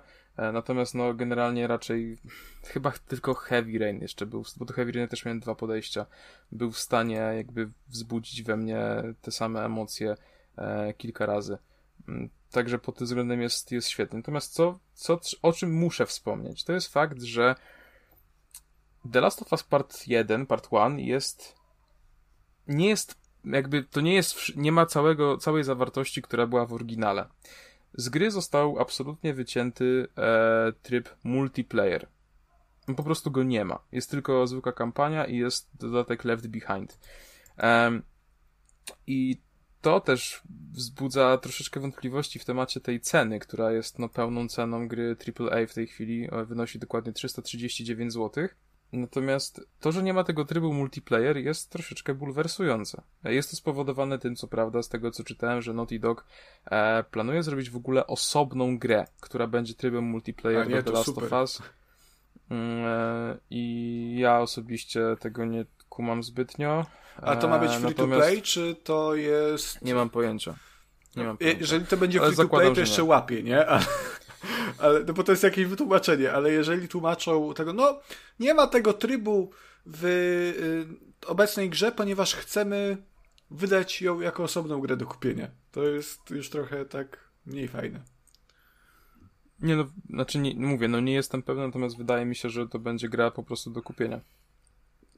Ale to jest w E. ogóle e, trend, jeżeli chodzi o Naughty Dog i ich e, remastery, bo e, remaster Uncharted 4 chyba, Uncharted 4 chyba też, ale na pewno jedynki, trójki i dwójki też, no od jedynki do trójki tych części oryginalnej trylogii na PS4 też był pozbawiony trybu mu- multiplayer. Tylko, znaczy, nie wiem, no pewnie to jest kwestia tego, nie, nie wiem w ogóle, czy jeszcze multiplayer dla jedynki jeszcze działa, czy serwery działają, Czy on był, nie. on był bardzo popularny z tego co pamiętam i, i Tak, i dlatego gracze. oni też mieli go dać do dwójki po premierze, ale tak się finalnie nie stało. Dlatego chyba jakby kompromisem według Naughty Dog i Sony jest zrobienie z tego osobnej e, standalone gry. Co, no, coś ten ja nie 2020 wiem, to jest... i dodawane po premierze multiplayery do gry, no to tak średnio. Bo tak była jeszcze taka jedna gra, nie pamiętam tytułu. Futurystyczna taka. Coś było, coś było, no. Od polskiego... Nie, nie. Też nie, wyciskała wszystkie ostatnie soki z konsol, tylko w innym, w inny sposób. Tego, tego słowa zaczęło, tak.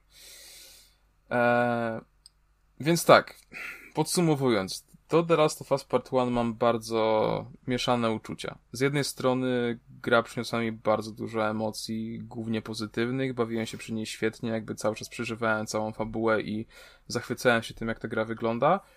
Z drugiej strony grałem w to samo po raz trzeci i za każdym razem po prostu było trochę ładniej. Eee, czy kupiłbym tę grę sam? Nie za taką cenę. Za niższą kwotę? Myślę, że bez kłopotu.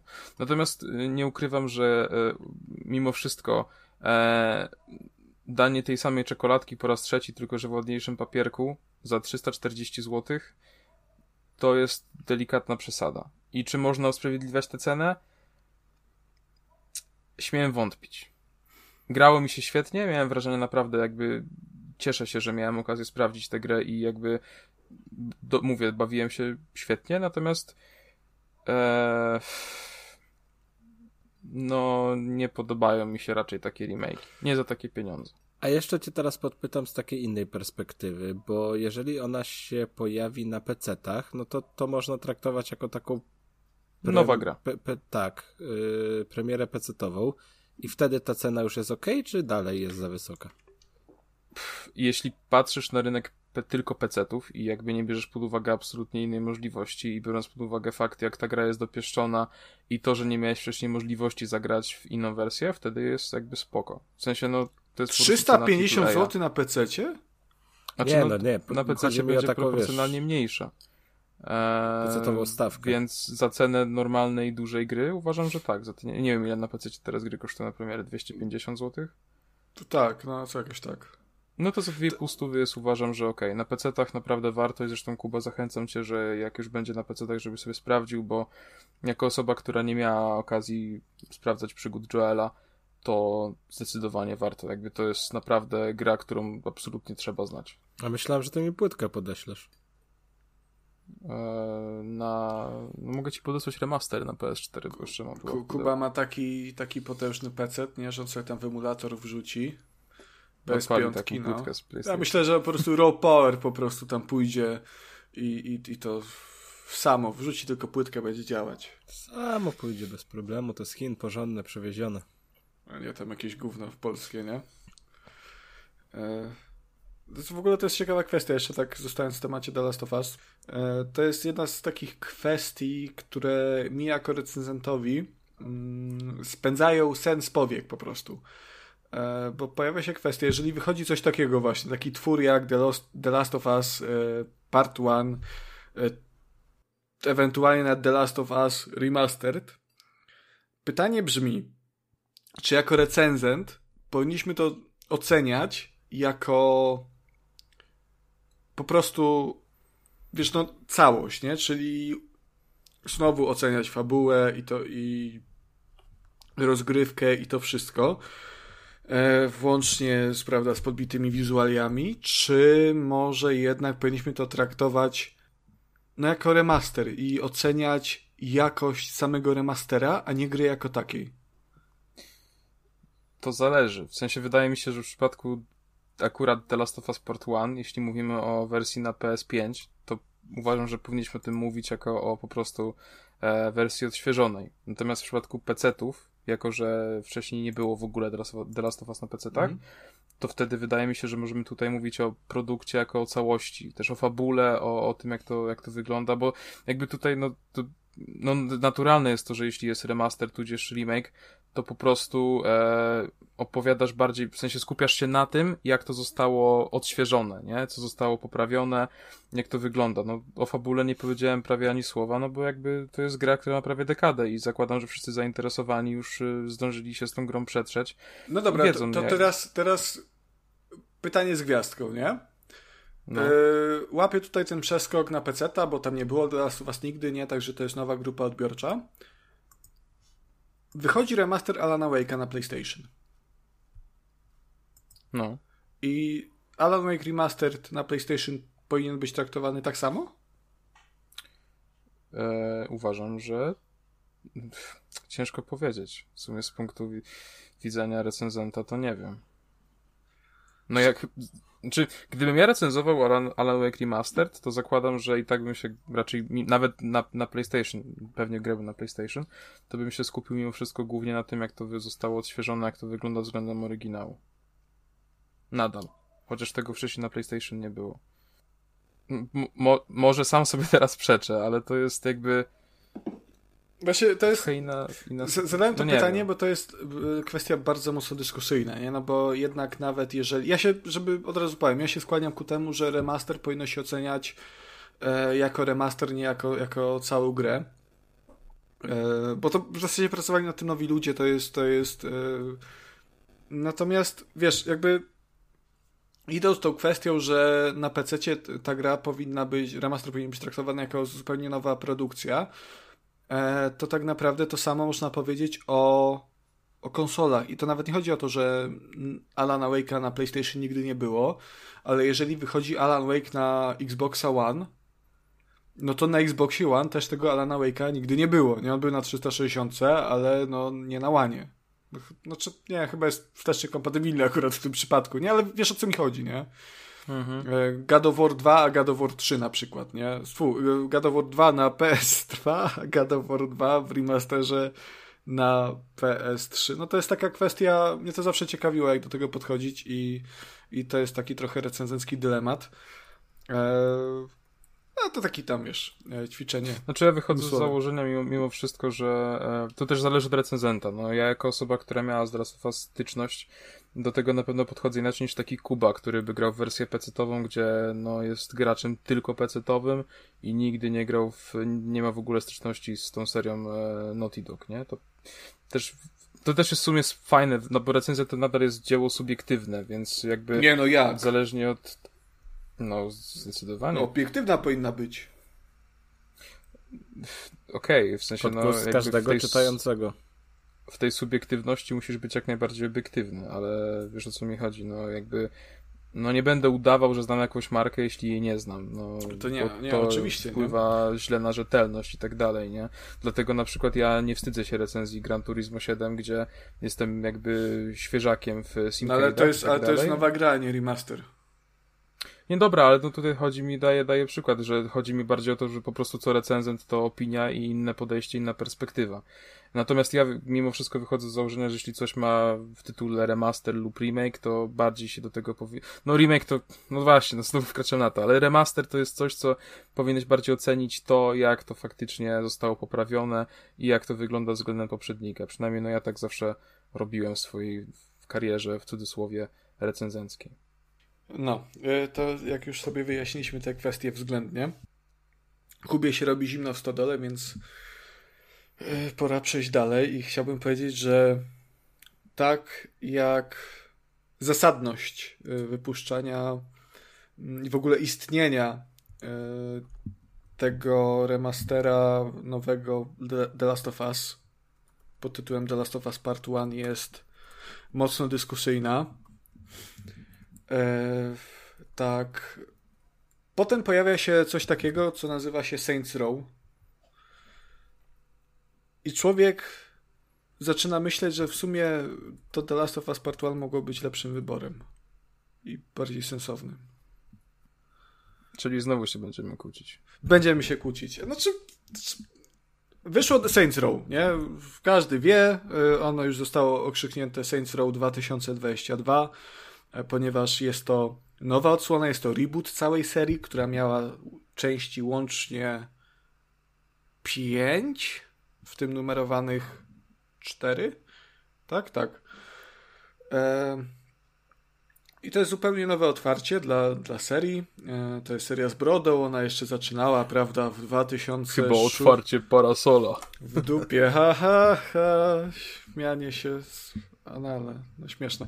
E, tak. E, I Saints Row to jest w ogóle bardzo ciekawa seria do takiej e, analizy, co tam się działo, bo to jest seria, która zaczęła w 2006 roku jako taki okej, okay, klon GTA, nie? To było takie GTA dla ubogich ludzi na Xboxa, które... Takie chyba moglibyśmy powiedzieć nawet głupkowate GTA? Nie, coś... nie, nie, nie. Znaczy pierwsze Saints Row nie. Pier... Znaczy tam były jakieś głupkowate elementy, zakładam, ale właśnie w ogóle fani Saints Row są podzieleni na takie dwa obozy. Ci, którzy uwielbiają to, co się działo przed trójką i ci, którzy uwielbiają to, co się działo dopiero po trójce, bo pierwsze dwie części to jest zupełnie w ogóle inny klimat, zwłaszcza jedynka, ona jest zdecydowanie poważniejsza, to jest taka, wiesz, no klasyczna gangsterska opowieść, to jest taki San Andreas na siódmą generację konsol, GTA e, dla ludzi, którzy chcieli GTA, a nie, miał, nie było jeszcze GTA 4 na, na 360. I to jest chyba X w ogóle dla 360. Na, na PS3 w to się nie dało pograć i dalej się nie da. Chyba na niczym innym się nie da w to pograć. E, dwójka już zaczęła być taka nieco bardziej łaki, tam się, tam się chyba pojawiły te właśnie oblewanie domów głównym, nie? Ale, ale w ogóle to była też intrygująca gra, bo ona łączyła ten taki takie gówniarskie poczucie humoru, to takie fekalne wręcz, e, z bardzo brutalną i mimo wszystko poważną fabułą, nie? Także tam były sceny naprawdę mocne, nie? Jak, jak chociażby grzebanie ludzi żywcem i to takie mocne, no nie jak na przykład w Saints Row, nie? Tym nowym, e, tylko takie, że już tam na śmierć było grzebanie żywcem, e, czy były sceny, gdzie jednego z bohaterów przeciągano za ciężarówką przez miasto, nie? I potem, potem główny bohater musiał go dobić, także to były bardzo mocne sceny, bardzo brutalne sceny. E, sam bohater był psychopatą. I potem pojawia się trójka, w której twórcy stwierdzili, że nie warto walczyć z GTA, jeżeli chodzi o powagę historii i to już był tam, to jest to, to, jest to z czym się kojarzy Saints Row teraz, nie? To jest bieganie po mieście y, na golasa i okładanie ludzi wielkim gumowym pindolem. Y, czwórka to już tam w ogóle, potem już czwórce to już był odjazd totalny, to już był kosmos, dosłownie, i potem Gat Out of Hell to było piekło. E, I oni się zapędzili z tym, z tym wszystkim tak kurwa głęboko w dupę, w tak bardzo kozi róg, że jedyną opcją chyba byłyby jakieś, nie wiem, podróże w czasie, czy do przeszłości, czy inne gówno. Na szczęście twórcy stwierdzili, że robią reboot. Wiesz co, mogę, mogę tak. się tylko na chwileczkę wtrącić? Proszę e, bardzo. Wydaje mi się, że w momencie, kiedy mówimy o symulacji zostaniem prezydentem Stanów Zjednoczonych, walką z kosmitami i supermocami, chyba podróż do przeszłości nadal byłaby za mało, żeby, e, żeby pobić to wszystko, cieka- co się działo. ciekawostek, podróż do przeszłości w serii wystąpiła kanonicznie. Bo w napisach końco- w zakończeniu czwórki główni bohaterowie cofają się w czasie. To jest w napisach końcowych po prostu, wiesz, jako taki śmieszny ten, nie? Tamten. Cofają się w czasie, żeby y, naprawiać to wszystko, co się zjebało tam, nie? A zjebało się no dużo. właśnie, tak mi się kojarzyło. Więc tak. mówię, no jak, już- jak, jak to w Saints Row, jak to w życiu. No. seria tak bardzo mocno odjechała, że ona w pewnym momencie wyglądała naprawdę jak karykatura samej siebie. Ale No to było spoko. Czy było, nie jestem fanem czwórki tak naprawdę. Trójka była jeszcze ok, czwórka grało się fajnie, ale No była trochę odjechana, ale znaczy- trójka, trójka na przykład, gdzie biegałeś z dildosem różowym i do tego miałeś misję, gdzie miałeś pościg na, na tych e, karocach, które prowadzili półnadzy Chippendalesi Tak, to z Jokerem, nie, który to, zmieniał to nawet im nie głos. byli, to nawet nie byli Chipendelsi, to byli Gimpowie, nie? Wiesz, w tych y, lateksowych y, strojach, nie? Tak, to, to było doskonałe. to jest jakby, nie możesz tego nie docenić. Nie, no. mi się trójka bardzo podobała. Ja, ja, największym fanem jestem dwójki, ale trójka była też bardzo spoko. Nie podobała mi się tylko, że od trójki się zaczęło już to, że yy, nie- niektóre misje główne raz, że się odbierało wszystkie z telefonu, to było w ogóle ułomne, yy, a dwa, że niektóre z misje główne były po prostu misjami pobocznymi w kamuflażu, nie? Czyli robiłeś dokładnie to, co w misji jakieś tam poboczne, jakaś rozwałka czy coś. E, To nie było fajne i to potem już w serii niestety zostało i tej, spoiler zostało również w tej. Nie, w tej akurat nie. W większości. Chyba jedna była taka, no mniejsza o to. E, także wracając. y, To, że ta seria odjechała już bardzo mocno, no to wiadomo. Na szczęście twórcy poszli po rozum do głowy, stwierdzili, robią reboot. No bo zakładam, że nie wiedzieli już po prostu, gdzie, gdzie, gdzie dalej z tym pójść. E, gracze też trochę po tej czwórce i God of Hell zwłaszcza chcieli powrotu do troszkę bardziej przyziemnych klimatów. Mm, No God Out of Hell było super kiepskie swoją drogą. To był... tak, to jest taki... Jak cz- czwórka była specyficzna, ale fajna, tak God Out of Hell było bardzo specyficzne i niefajne. Tak, tam, tam nie było misji głównych, tam były misje poboczne same praktycznie, nie? E, I zbieranie jakichś tam świecidełek. E, no i po, powstało Saints Row. I nowe Saints Row, oczywiście mm, start miało, jak, jak większość z nas prawdopodobnie już wie, e, jeszcze przedpremierowy. Ten, ten zapowiedzi zostały bardzo średnio odebrane. No bo się pojawiło głosy oburzonych ludzi, poważnych weteranów branży growej, no wygląda jak Fortnite, głupie dla dzieciaków, nie? To oczywiście klasyka, nie? Zobaczyli jeden trailer ludzie i wiedzą już jaka całkiem gra była. Wow, gówno, lewactwo. E, co, trochę tak jest w sumie, nie? Po zagraniu. E, no ale nadeszła premiera. E, troszkę liczyłem na to, bo tam pierwsze gameplaye się, się poja- pojawiły. Pośmialiśmy się, że samochody mają paski życia. Natomiast taki, no nie wiem, to, to, wydaje mi się, że nastawienie ludzi się zmieniło, było takie y, bardziej pozytywne, a potem gra wyszła. I się okazało, e, że to Saints Row jest y, ok grą, natomiast nie oferuje absolutnie niczego specjalnego i e, ja nazwałbym to grą, jak, jako, jakbym miał podsumować takim jednym krótkim zdaniem, to jest to Saints Row 1, które bardzo by chciało być Saints Row 3, ale się tego jednocześnie bardzo wstydziło. Bo z jednej strony twórcy faktycznie próbowali wrócić do takich e, bardziej klasycznych gangsterskich klimatów, czyli tam zakładamy gang, jesteśmy gangiem, nie ma tych dildosów, e, nie ma pościgów na karocach z e, męskimi prostytutkami, ich ciągnącymi. Natomiast jednocześnie pozostał taki klimat, taki slapstickowy humor bym to nazwał, taki... Niektórzy się śmiali z tego, co tak jak obserwowałem w internecie, że to jest taki wręcz sitcomowy humor i są, można znaleźć w, na YouTubie cutscenki z Saints Row z podłożonym po prostu śmiechem z przyjaciół, nie? Z tym, z takim śmiechem z puszki i to kurwa Okej. działa, nie? Jakby widzę to teraz. Ale wiesz co, ja, na przykład ja, nie wiem, mi się na przykład super podobał ten dowcip, który jest na początku gry, że tam jeden z bohaterów, zapomniałem już jak chyba Eli, e, że jak jedziesz na napad, to on się bardzo boi broni i w tym czasie sobie włącza motywacyjny podcast, e, takie kółczowską I to o dziwo nie trójkast, nie? Ale, ale ten... Nie, wiesz, ja, żeby nie było, mi się ten humor w miarę podobał, może nie, nie lałem jak, jak głupi, natomiast no jest taki, jest uroczy, nie? I, i No my też nie mamy wysublimowanego poczucia humoru, Nie? nie, oszukujmy się. E, Znaczy, no niektórzy mogliby się nie zgodzić. Znaczy, wiesz, chodzi mi o to, że to nie jest to nie jest ambitne poczucie humoru, to nie jest nawet yy, Zdecydowanie. to nie jest też nawet takie sprytne poczucie humoru, nie? To jest takie, no po prostu takie takie żarciki, takie, takie bardzo klasyczne, takie sitcomowe, autentycznie, faktycznie. Takie żarciki. trochę Patryk Wega może takie. Nie, nie, nie. Nie, nie, nie, nie. Chociaż nie. poniekąd tak. Eee, I cóż, sama historia w ogóle też jest, to, to mnie też, to, też troszkę zawiodło, bo ja miałem, miałem nadzieję, że to będzie faktycznie taka e, historia początkującego gangu, E, no bo to było w zapowiedziach, że to są nowi święci, to nie ma nic wspólnego z tym, co było wcześniej. Mamy nowego głównego bohatera, e, nową ekipę świętych, e, mimo że oni tak troszkę wyglądają poniekąd niektórzy jak jak ci poprzedni, na przykład ten Jezus, jak on się nazywa? Kevin. Kevin ma. No, on wygląda jak Johnny Guts poprzednich tych, tylko taki młodszy. Natomiast to są takie bardziej stereotypy, tro, troszkę e, niestety archetypy takich, takich postaci, czyli Kevin, Kevin jest takim napakowanym ziomkiem, który chodzi cały czas bez koszuli, ale uwielbia gotować i jest w miarę wrażliwy. Ella jest takim, no właśnie, tym nerdem z ekipy, nie?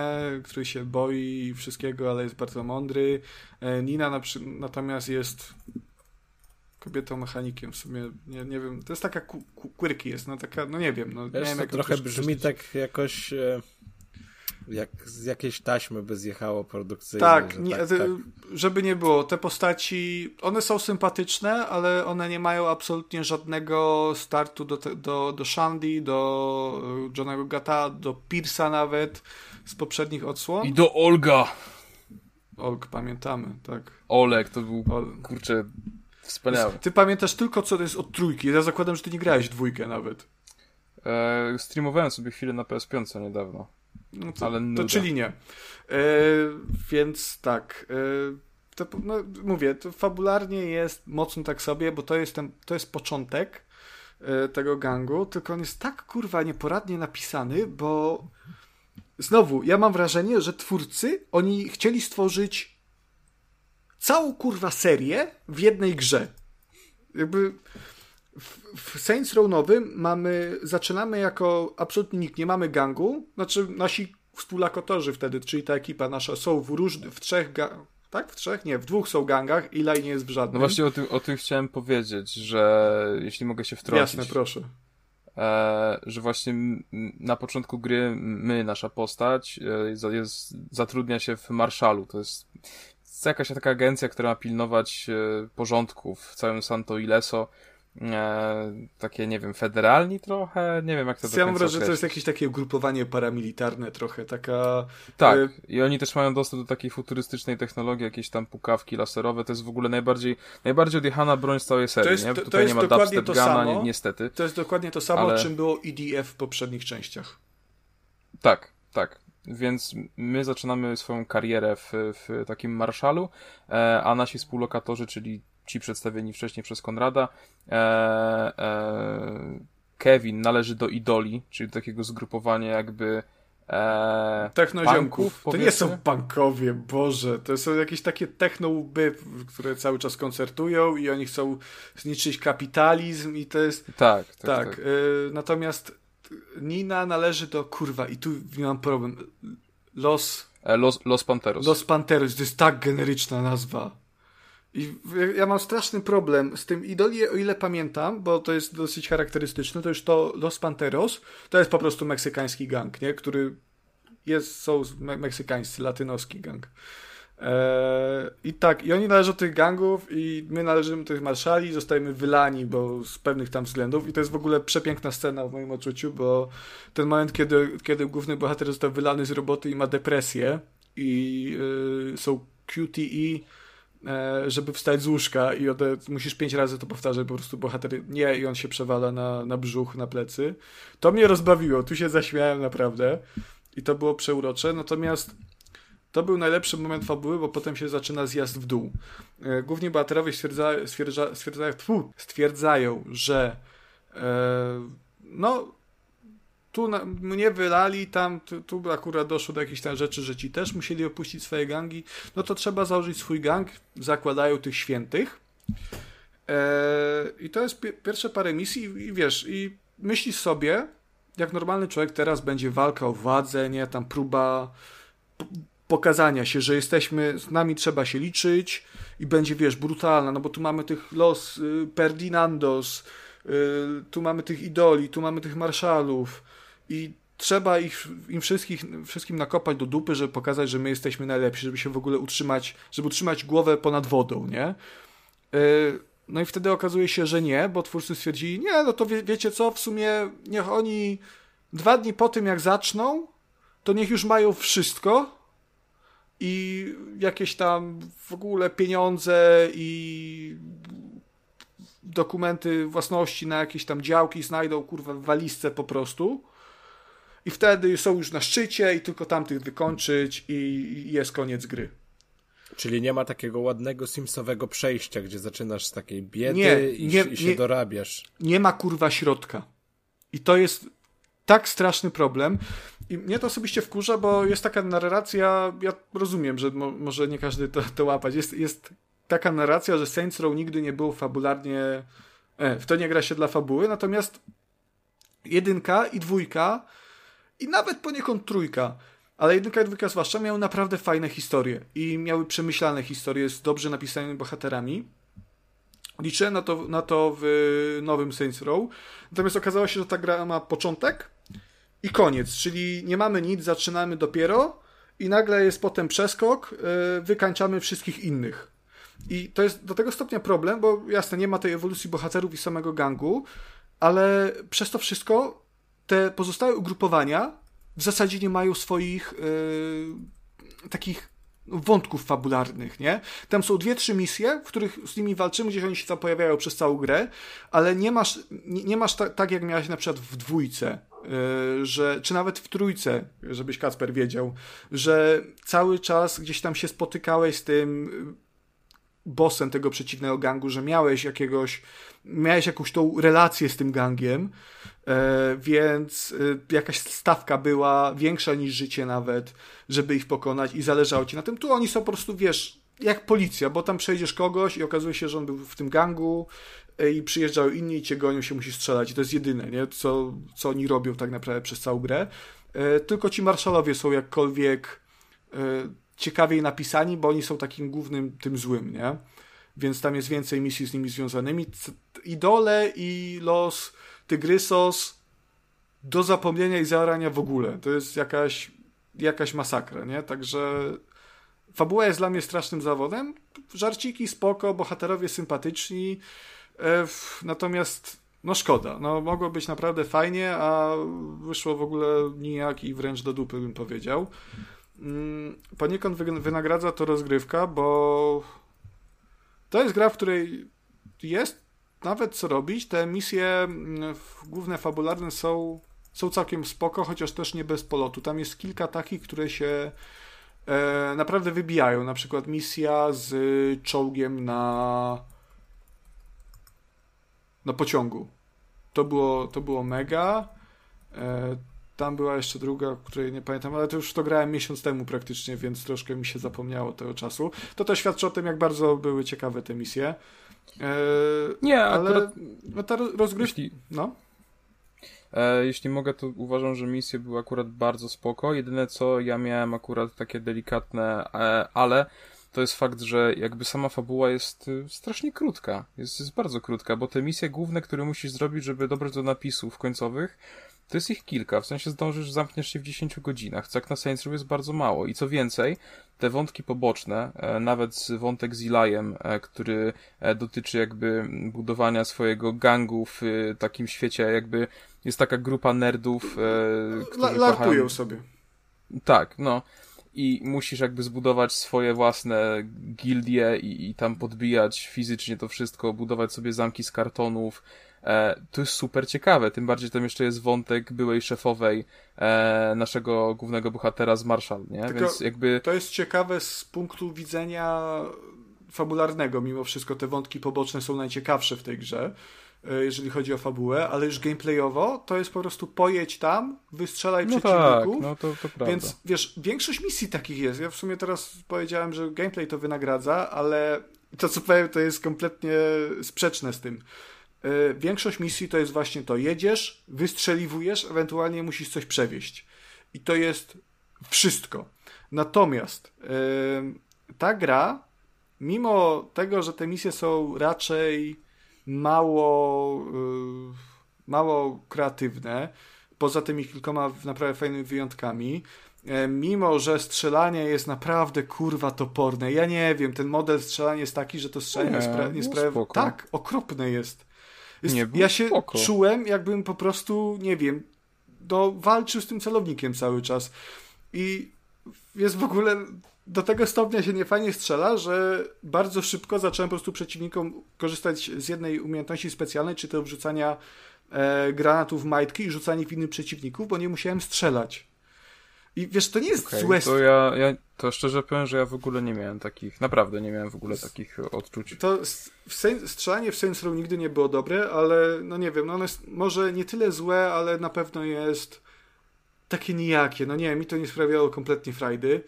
Eee, chociaż i tak to było lepsze niż kurwa jeżdżenie tymi samochodami, bo ja pierdolę, ja nie wiem co tam oni odjebali z tym e, modelem jazdy, to jest jakaś kurwa katorga. I znowu, w Saints Row nigdy nie było zbyt dobrego modelu jazdy, natomiast te samochody, one robią absolutnie co chcą.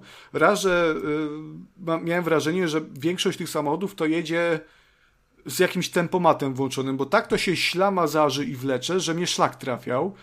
E, skrę, skręcały, promień skrętu tych samochodów to jest tak, jakbyś próbował, nie wiem, tirem skręcać. Z naczepą nawracać na wąskiej drodze. No, no nie ma chuja, musisz bokiem wchodzić. I w ogóle wchodzenie ślizgiem w zakręty jest prześmieszne, bo twórcy stwierdzili, jest jasne, no w każdym GTA tak było, nie? Wjeżdżasz w zakręt, spacja, na ręcznym, nie jedziesz dalej.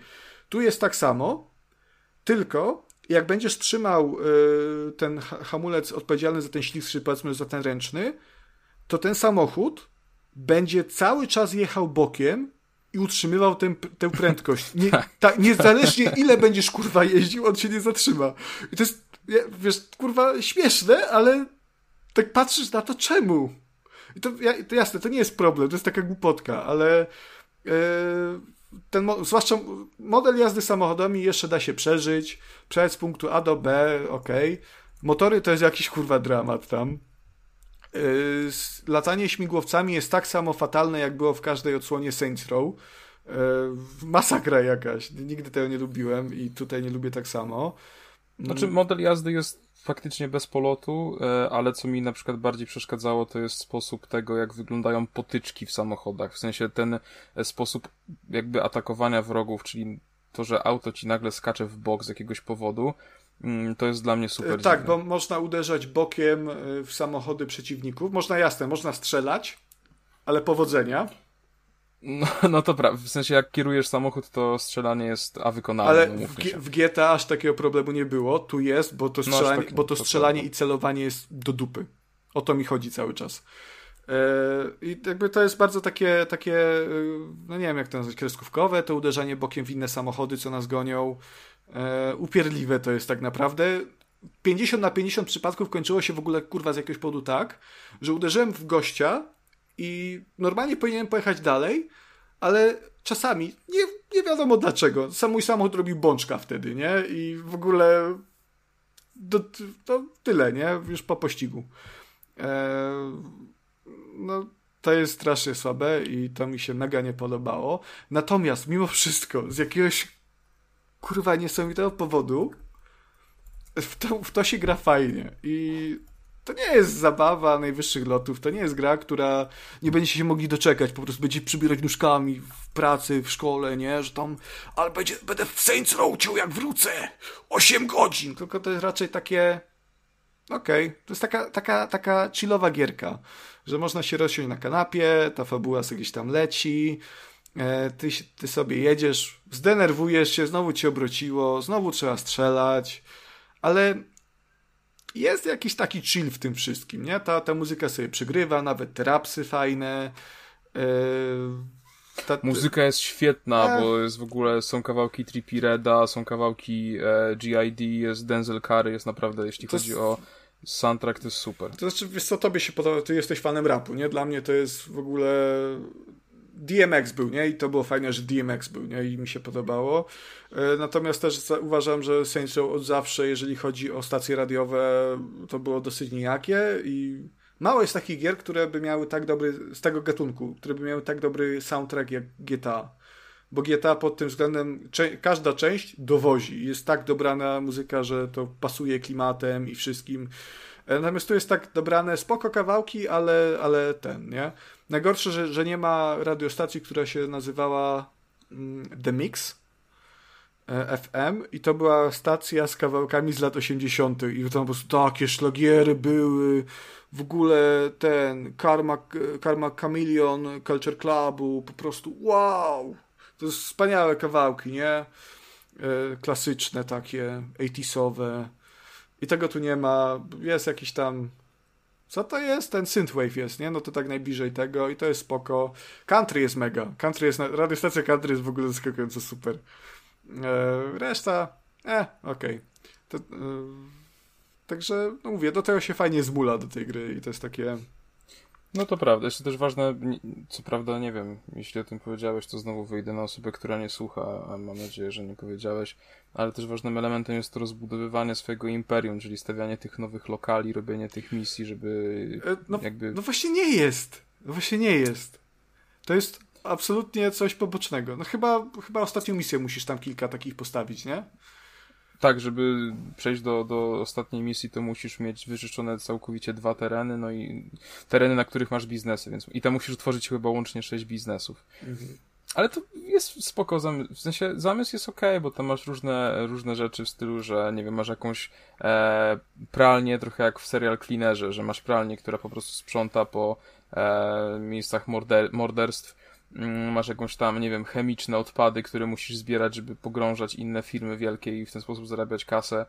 E, jest też ubezpieczalnia, czyli powraca ta minigierka z trójki, że musisz rzucać się pod samochody i to jest w ogóle Co, coś, mi, coś mi w niej nie siedziało w tej iteracji, wiesz? Jak co, coś... Nie wiem, czy ja się zdarzałem, ale nie sprawiało mi to Coś się zepsuło i nie było tak, mnie tak, tak, tak, tak, tak. Co, co, coś tam nie, nie, mi nie pykło. E, tak, w ogóle te zadania poboczne są w większości powiązane z tymi biznesami, także na początku jak zaczynamy, to mamy takie odzonka, że ej, kurwa, gdzie są zadania poboczne. Nie? Saints Row zawsze było nimi usrane, a potem się właśnie okazuje, że trzeba e, te biznesy zakładać. No to założenie biznesu kosztuje kasę. Na początku tam 30 tysięcy, potem już do, do 4 stówek nawet skacze. E, no i te biznesy, one nam dają kasę, kumulują. Jeżeli wykonamy wszystkie tam zadania dla nich, no to to te, tej kasy e, dają nam więcej. Tylko tu też y, no warto pamiętać, że te, to nie są unikalne zadania, to są to takie zadania poboczne, właśnie zwożenie tych radioaktywnych odpadów, zwożenie samochodów do mechanika, e, rzucanie się pod, y, pod samochody, kradnięcie furgonetek, futraków, nie? E, trochę to jest miałem, miałem czasami wrażenie, że tego jest za dużo, nie? Bo na przykład przy tych y, odpadach to trzeba przywieźć chyba 12 ciężarówek?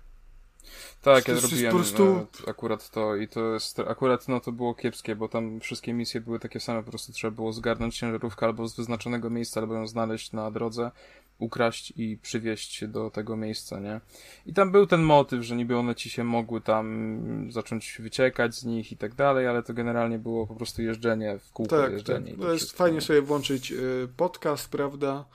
Ekonomiczny trójkast na przykład i się smula. No właśnie to jest w moim odczuciu to jest taka fajna gra do zmulania. Jak nie macie absolutnie niczego innego do grania i po, albo chcecie po prostu spędzić taki wieczór gdzieś pojeździć, postrzelać, posłuchać muzyki, coś tam, jakąś fabułę. Polatać wingsuitem, e, podbijać się jest, Ten wingsuit to jest w ogóle, ja myślę, bo wprowadzili wingsuit tutaj, nie? Czyli ten taki kombinezon tej takiej wiórki latającej, że może się na tym lata.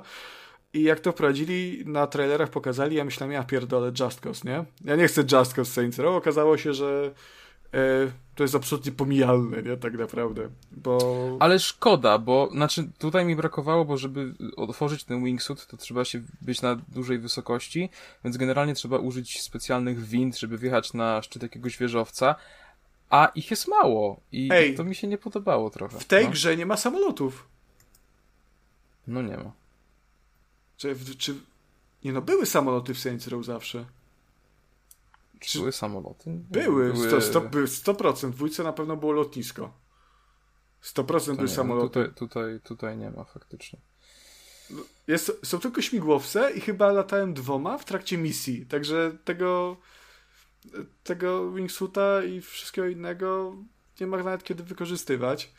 E, no nie wiem, to jest taka strasznie niedopieczona gra. E, z jednej strony jest spoko do takiego chillowanka, z drugiej nie ma w nim w niej zbytnio, zbyt wiele interesującego, moim zdaniem, takiego co, czegoś, coś by się wyróżniało, e, poza fizyką po prostu pojazdów, które jak się czasami uderzy, to po prostu wystrzeliwują nie? w powietrze i w ogóle też ta, ta gra, jak wyszła, to ona była pełna błędów. Nie wiem, jak jest teraz, bo nie grałem, ale na premierę to była. No to nie był Cyberpunk, no to nie był Cyberpunk, no, ale była masakra. No nie, ale było sporo bugów. E, kompilacji prawda. tych wystrzeliwujących samochodów e, było mnóstwo. Ja na Twitterka wrzucałem parę takich tych. No ale notorycznie zdarzało mi się, że w ogóle model przeciwnika mi znikał i biegała sama broń, z, tylko z głową widoczną, e, albo moja broń mi znikała w rękach. To jest akurat pierdoła.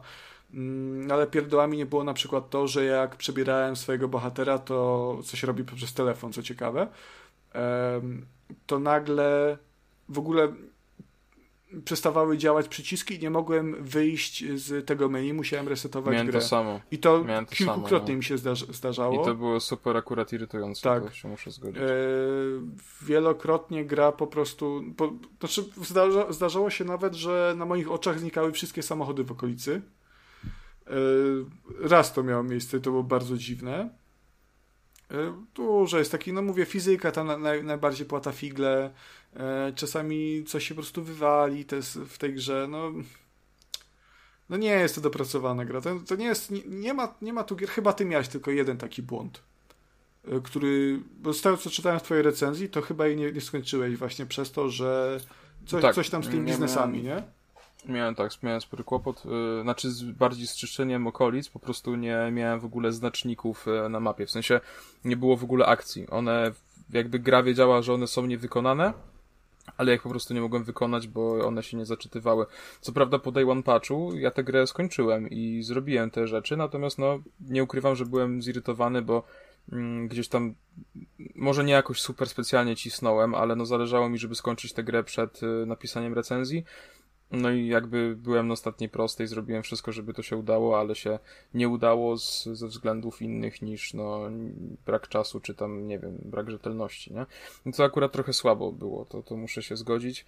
E, w każdym razie, no teraz już sytuacja wygląda dużo lepiej. Ja też akurat, no ten miałem dość znaczący bug, ale jeśli chodzi o inne jakieś rzeczy, to na przykład nie miałem kłopotów takich, jak ty mówisz o tych modelach i tak dalej. Raz tylko mi się też zdarzyło, że e, bohater, znaczy bohater, twój przeciwnik utknął jakby mm, w pewnym miejscu, w pewnym lokalu gdzie ja nie mogłem wejść i musiałem chyba przez 5 minut chodzić dookoła budynku, jakby, żeby on podszedł w moją stronę, żebym znalazł dziurkę w oknie, przez którą mogę go zastrzelić, bo granatów tam nie mogłem wrzucać i tak dalej, więc no to było faktycznie irytujące. To mi się, na, przy, no mi się na przykład zdarzało często, że y, grałem, była jakaś strzelina, połączyła się cutscenka, kończyła się cutscenka, umarłem. Okej, okay, nie, to ja tak akurat nie miałem, ale no... Ale, ale wierzę ci. I na, w ostatniej misji tam jest ten moment, w którym lecimy jedynym samolotem w całej grze. E, I trzeba wystrzelać, zero spoilerów, nie? Ale tam trzeba przeciwników wystrzelać w którymś momencie. E, I to jest samolot, który mm, potrafi zawisnąć w powietrzu i sobie można przybliżyć i tam wystrzelać, nie? Tylko jak włączałem to przybliżenie, to ono mi od razu robiło takiego zooma, że widziałem po prostu, jak bardzo nieostre są te tekstury i niezaładowane. Przeciwników to musiałem dosłownie szukać po znacznikach na ekranie, tych takich trójkącikach. Także restartowałem grę, restartowałem misję i cały czas było to samo, także dało się skończyć, ale to było bardzo upierdliwe. Mm, ale to, też nie było tam jakichś wielkich takich błędów, żeby, żebym nie mógł ukończyć gry, to akurat trzeba przyznać. Natomiast no, no ta. Najbardziej mnie wkurzało chyba tylko to, że ta gra działała, działa bardzo tak sobie, bo ona nie jest piękna graficznie.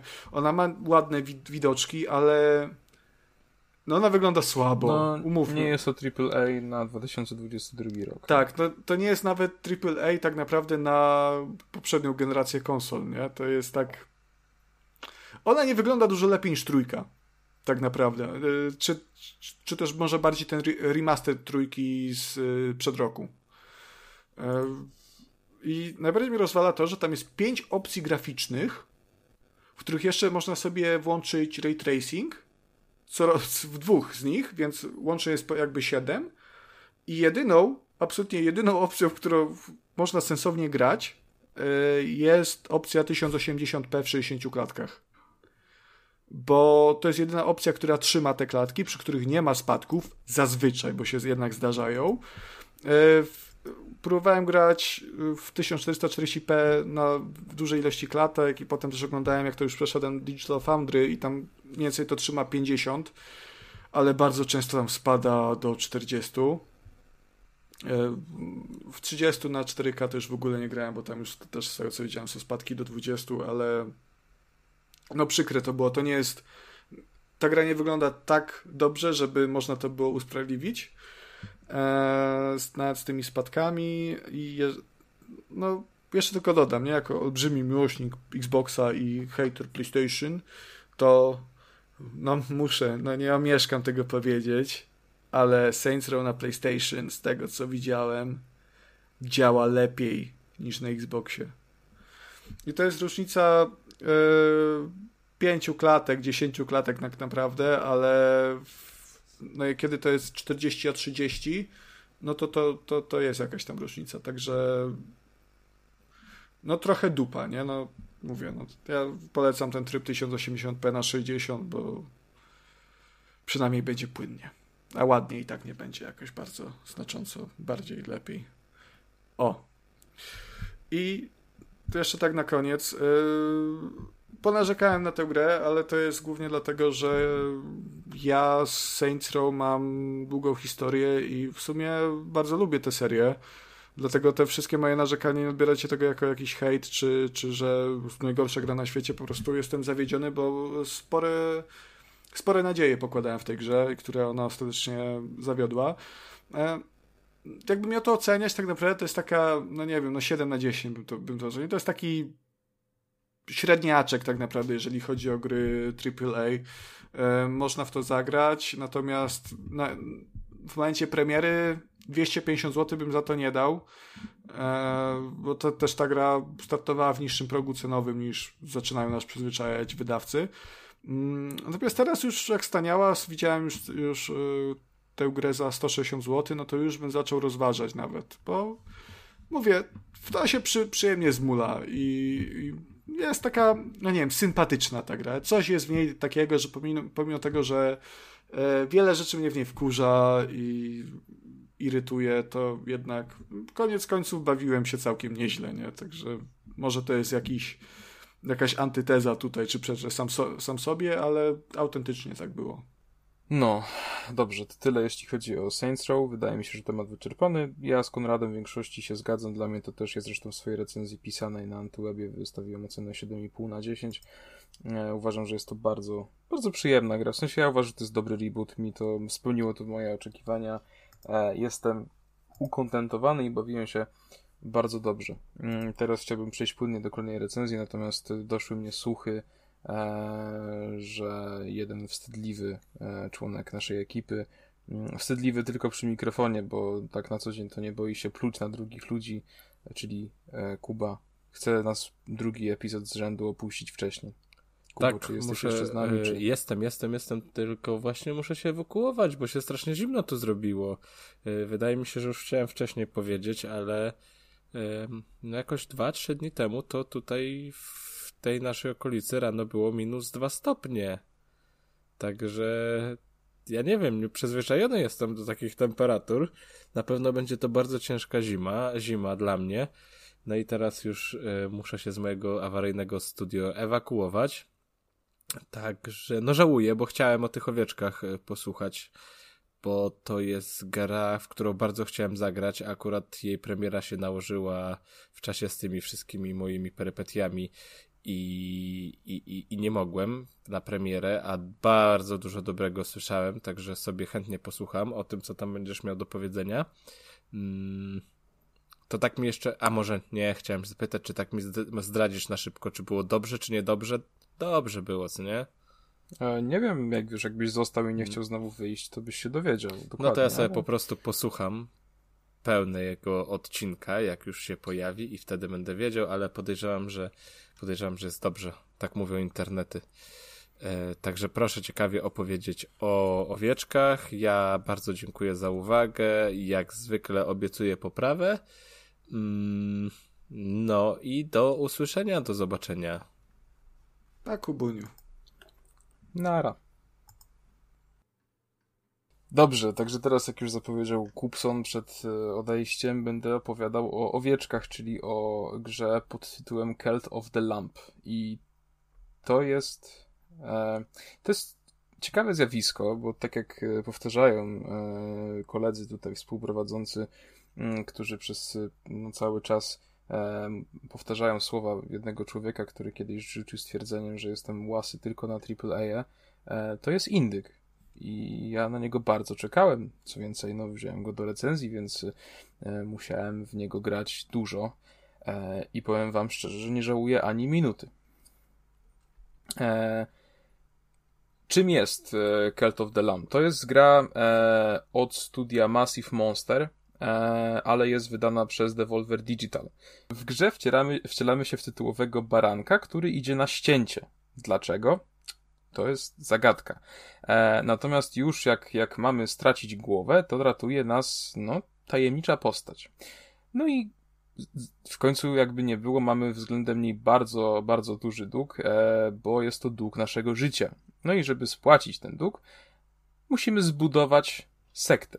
E, zbudować tytułowy kult, e, który e, musimy rozwijać, e, łapać wiernych, tak, jakby sprawiać, żeby oni byli e, coraz bardziej wierni, e, poszerzać ten cały, cały ten ruch mm, i e, no i sprawić, żeby osoba, która uratowała nam życie była zadowolona. Nie jest to zadanie proste, mm, i to, ale to też jest ciekawe. Ogólnie cała, sama rozgrywka to jest troszeczkę jak The Binding of Isaac. Mi się bardzo z tym kojarzyło i jest to jak najbardziej dobre i pozytywne skojarzenie. E, przechodzimy przez różne poziomy, e, które jakby się ze sobą łączą. To jest e, troszeczkę, mamy mapkę w prawym górnym rogu. Są właśnie coś na, na styl Treasure Roomów z Isaaca. Natomiast jeśli chodzi o prawę graficzną, to tutaj bardziej możemy mówić o, mi się bardzo kojarzy z Don't Starve nie wiem, czy widziałeś, jak ta gra wygląda? Mm, tak, to boha ci bohaterowie troszkę wyglądają jak wycięci, nie? Takie to jest... Tak, ja nie wiem, tak, jak to tak, pisać, tak, ale to jest takie... To wygląda jak w 3D, w 2D trochę, mam wrażenie. Eee, trochę tak, no to prawda. Eee, w każdym razie, eee, no ta grafika, chociaż jest specyficzna, to mi się osobiście bardzo podoba e, i naprawdę wygląda, wygląda superancko. Natomiast y, sama konstrukcja poziomów jest y, nieco inna, no bo w The Binding of Isaac to też jest roguelike, tam to wygląda w ten sposób, że jakby po prostu zaczynamy run, tak jak daleko dojdziemy, to fajnie, jak umrzemy, zaczynamy od początku, jak wygramy, jak w jakiś sposób, to wygrywamy. I tyle, odblokowujemy różne rzeczy. Tutaj jednak jest, y, jest fabuła, bo mamy różne etapy, e, na które, które składają się z różnych poziomów, i w e, tym wypadku po prostu mamy określone cele. Oczywiście e, jest mnóstwo wrogów, e, level designy są, level design jest bardzo jakby zróżnicowany i faktycznie czuć, że jesteśmy gdzieś indziej niż byliśmy wcześniej, mimo tego, że to jest mała produkcja, nie? Bo, bo to jest, to jest indyczek, to wyda- znaczy to jest też troszeczkę już znak rozpoznawalny Devolver Digital, tak? No to jest, y, co by nie było, doskonała e, doskonała firma, która no jak coś wydaje, to wiemy, że to co najmniej będzie dobre, nie? Bo oni nie, raczej nie mają zwyczaju wydawać złych gier. E, Coś tam wyszło od nich ostatnio takiego, co tak chyba nie zażarło. No wiesz, ja nie mówię, że mają same świetne rzeczy, ale, ale generalnie... Ale intrygujące rzeczy mają na pewno. Mhm. Sama gra składa się z pięciu regionów, na które składa się mnóstwo e, poziomów. My też podczas wyboru naszej drogi możemy wybierać, czy nam bardziej zależy na tym, żeby zyskać nowych wyznawców, czy żeby ulepszyć coś innego, więc też jakby rozwój naszego kultu e, zależy od nas. I właśnie rozwój kultu też jest bardzo istotny, bo to też nie jest tak, że to wszystko dzieje się samo. Mm, naszą bazą wypadową, takim hubem powiedzmy, właśnie jest miejsce, gdzie mieszka nasz kult. Ono jest zawalone starymi drzewami, jakimiś kamieniami. E, możemy to czyścić ręcznie lub możemy e, kazać to robić naszym wyznawcom. Nasi wyznawcy mogą również się modlić, e, żeby, żeby nam ładować pewien poziom, powiedzmy, punktów, które następnie możemy wydawać na e, różne ulepszenia. E, w ten sposób na przykład później możemy sprawić, że e, nasi wyznawcy mogą spać, może musimy im gotować jedzenie, bo to jest właśnie kwestia tego, że musimy ich utrzymywać przy życiu. Musimy ich karmić, musimy dbać o to, że są zmęczeni. E, bardzo często też mają różne pro, pro, prośby. E, ja dla przykładu nazwałem wszystkich swoich wyznawców swoimi bliskimi znajomymi, e, więc znalazł się też tam Konrad, znalazł się też tam Kuba.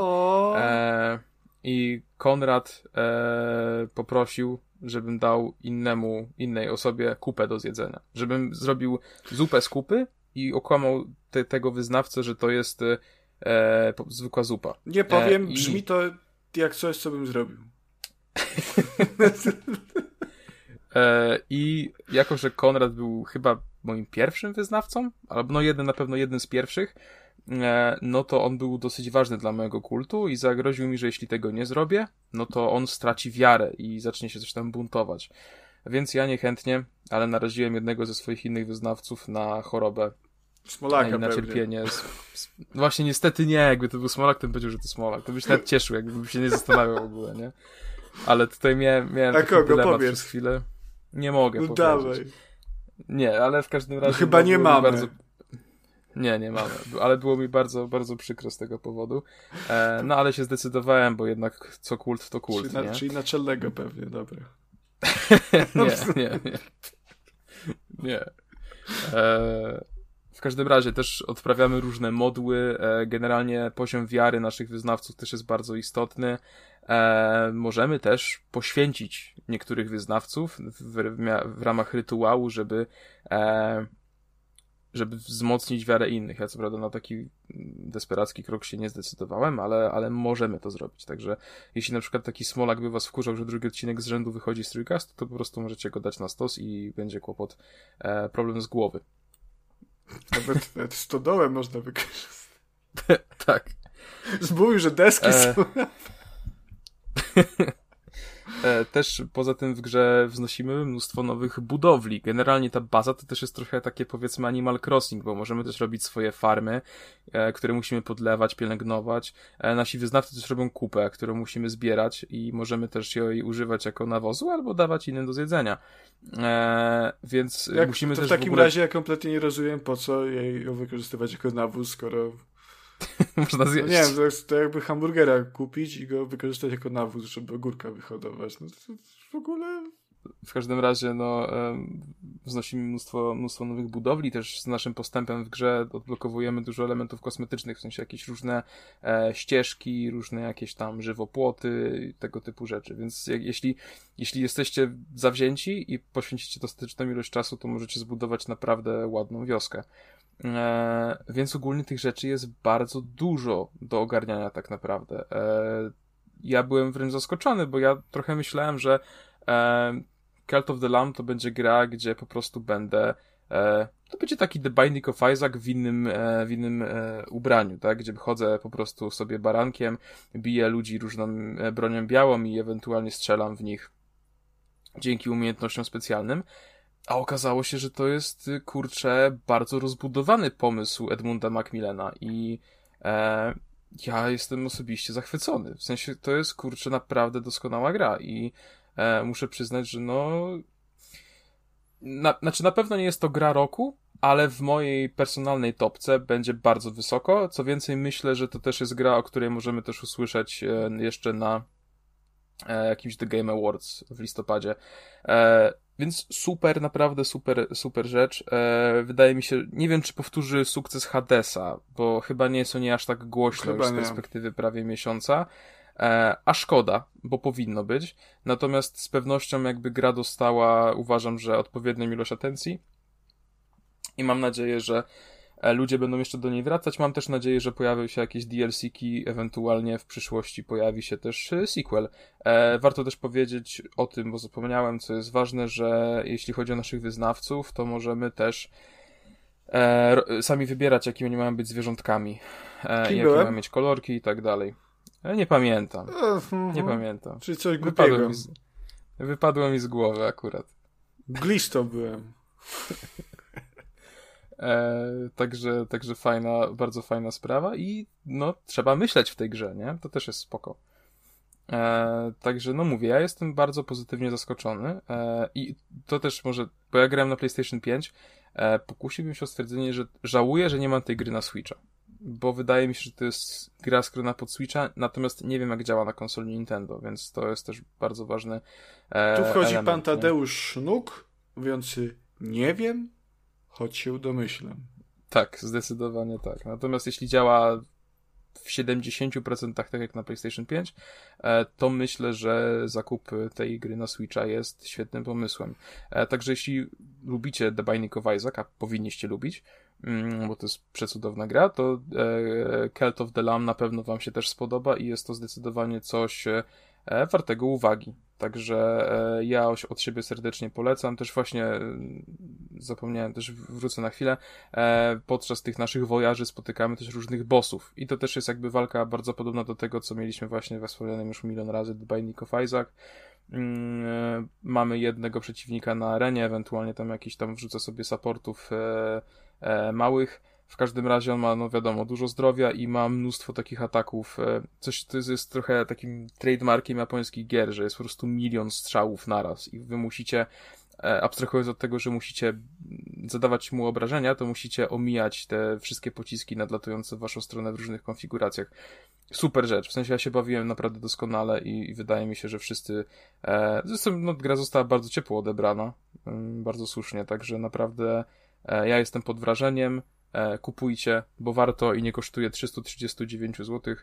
Mm, tylko e, widzę tutaj mi się wyświetla cena, na, na, że na PC zostanę nawet za 9 dyszek. E, a jeśli chodzi o PlayStation, to wam zaraz na szybkości powiem. 369. Nie. Aż tak to nie. Sekundeczkę. 159 bym sprzedał w sumie. 100, 114 zł. A, no to nawet nie tak źle. Tak, także zdecydowanie warto, uważam naprawdę, no ja się bawiłem doskonale i wy też będziecie się bawić doskonale, nie mam co do tego żadnych wątpliwości.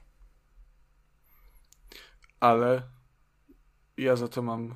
No w sumie wiesz co, miałem mówić, że mam, ja mam wątpliwości, ale nie mam wątpliwości co do tego, że e, mimo jednak nie mam wątpliwości co do tego, że przy e, nowym dodatku nie mogliście się doczekać, to wiem, do Tiny Tina's Wonderlands, który tym razem jest zatytułowany e, Shattering Spectre Glass.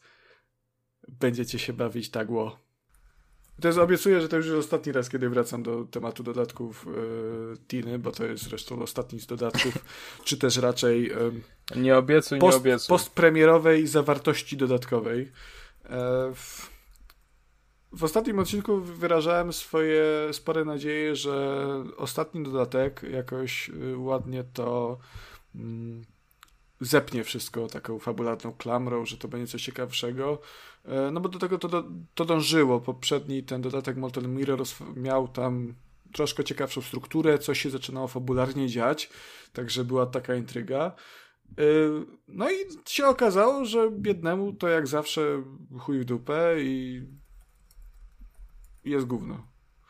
E, Shattering Spectre Glass y, to jest w zasadzie spory krok wstecz względem tego, co było poprzednio i to jest coś bliżej mm, tego, co prezentowały sobą pierwsze dwa dodatki, czyli ponownie rogal na pół godziny e, i w zasadzie niewiele więcej. Niestety fabularnie tutaj praktycznie nic kompletnie się nie zmienia. Nie ma żadnej klamry, to jest po prostu kolejna taka historyjka, że mamy udać się do em, składającego się z y, już użytych w podstawce asetów dungeona, przelecieć przez niego, zabić bossa i na tym się to kończy. Ten run możemy powtarzać, żeby zdobywać lepsze itemki i jakby te poziomy też potem i chyba boss trafiają do y, tej krypty będącym endgame'em w tej grze, natomiast no poza tym nic się nie dzieje, no niestety.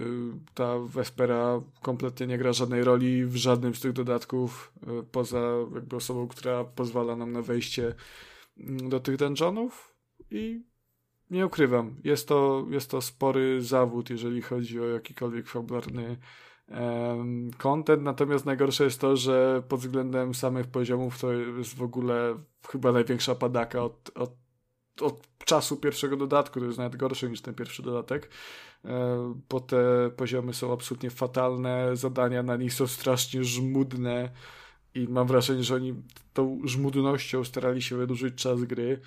Mm nie warto. Jeżeli już tak po ograniu wszystkich, jeżeli wam przyjdzie w ogóle do głowy, żeby sięgać po ten Season Pass, to weźcie se, nie wiem, chleba zjedźcie czy coś, bo to może w trakcie tego rzucia suchego chleba trochę wam się coś w głowie tam zamieli, że, że to nie jest dobry pomysł i kupcie sobie lepiej, no bo w tej samej cenie dostaniecie właśnie to Cult of the Lamb, o którym mówił Kacper, więc kupcie sobie lepiej to. To będzie lepszy wybór zdecydowanie niż tam jakieś 140 czy, czy ile tam złotych na taki syf jak te dodatki do Tiny Tina's Wonderlands.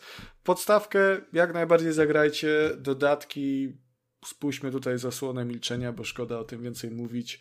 Mogło być pięknie, wyszło jak zawsze. Ech. Jak w życiu, jak w Polsce. No, w Polsce jest dobrze, to przecież nie ma kryzysu, nic nie ma.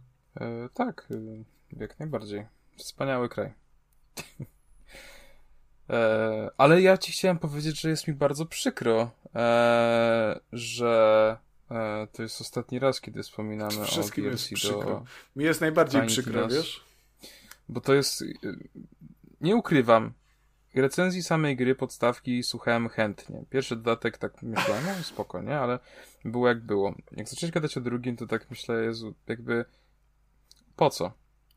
Ale tak, wiesz co, potem tak było przez jeden odcinek, drugi, trzeci, czwarty i tak powiem ci, że że teraz się czuję, jakby ktoś mi odebrał jakiś ważny segment y, trójkastu. To się nazywa kochanieńki syndrom sztokholmski. W związku z tym mam nadzieję, cicho, że twórcy wypuszczą jeszcze jakieś DLC, E, które będziesz z obowiązku recenzenckiego musiał sprawdzić. Ja, ja mam nadzieję, że właśnie, opowiesz. że jak wypuszczą, to będzie trzeba je dokupić i ja już wtedy nie wezmę go do recenzji i nie dostanę go za darmo, więc nie będę czuł obowiązku recenzenckiego, żeby coś o tym dodatku powiedzieć i przestrzec przed nim e, naszych słuchaczy, no bo nie wiem, no może ktoś się jeszcze gdzieś tam, jak słuchał, to się łudził, e, że może to jest dobre, że może warto wziąć może ktoś od tego odcinka słucha, tylko dopiero zaczyna i myśli, żeby kupić. E, także dlatego przestrzegam, żeby nie kupywać. Po raz czwarty nie brać, trzymać się z daleko. Cult of the Lamb lepsze. Nawet, nawet se to The Last of Us Part 1 kupcie. Za 360 zł, nawet dwa razy i to będzie lepszy, lepszy deal niż to. Okej, okay, to jest mocny statement. Tak samo mocny, ale sprytnie wymyśliłem, jak gra pod tytułem Roller Drum. To jest e, bardzo ciekawy twór. E, jest to gra e, od e, studia Roll7, czyli studia, które jest odpowiedzialne za Oli Oli World oraz wcześniejsze części Oli Oli, ale o tej najnowszej też rozmawialiśmy w naszym podcaście. Mm, I do tej gry miałem takie przed premierą nastawienie mocno mieszane, bo e, ja od Roll 7 do tej pory grałem tylko w Oli i nie, jakby nie byłem do końca pewien, czy oni coś innego stworzyli? E, wiesz co, w sumie nie wiem, szczerze powiem.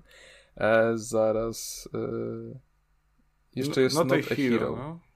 Tak. I Laser League. E... Ej, ja grałem w Laser League. To było urocze całkiem. Okej, okay, czyli no coś jeszcze tam mają. E, to dobrze. Natomiast no Oli Oli to jest według mnie ich magnum opus. Na pewno gra, która zrobiła najwięcej szumu i słusznie, bo jest to świetna, e, wręcz doskonała seria. E, Roller Drum natomiast to jest gra trójwymiarowa, co wzbudziło we mnie pewne wątpliwości, tym bardziej, że grafika już po pierwszych, no jak się tylko spojrzy na jakikolwiek screen czy, czy materiał, no to widać, że ona jest taka kurczę, troszeczkę jak z Jet Set Radio, Jet Set Radio. Eee, e, więc cel shading bardzo mocny. Tak. E, I jakby nie byłem przekonany, co prawda no, e, Roll 7 lubi eksperymentować z różnymi, z różnymi typami grafiki, ale nie byłem do końca przekonany, czy to jest dobry pomysł w przypadku e, takiej gry. Jak się okazało, jest to bardzo dobry pomysł, natomiast e, po kolei w ogóle e, co się w tym Roller Drum dzieje. Ja tak tylko przepraszam, mm. ja chciałem powiedzieć, że tak graficznie Roller Drum wygląda naprawdę w pytę. Tak, jest bardzo urocze, bardzo takie, e, znaczy urocze może, może złe słowo, ale... Screeny wyglądają autentycznie jak kadry z jakiegoś komiksu, to jest mm, super. Tak, jak patrzysz, no to prawda. Mm, to prawda, jeśli chodzi o, o to, to, to I to, i to takiego wygląda... starego, takiego z lat 80., nie takiego z grubą krechą, ekstra. Graficznie mega. I y, Kasperku, ja mam nadzieję, że mi powiesz, że to z gameplayu też jest fajne.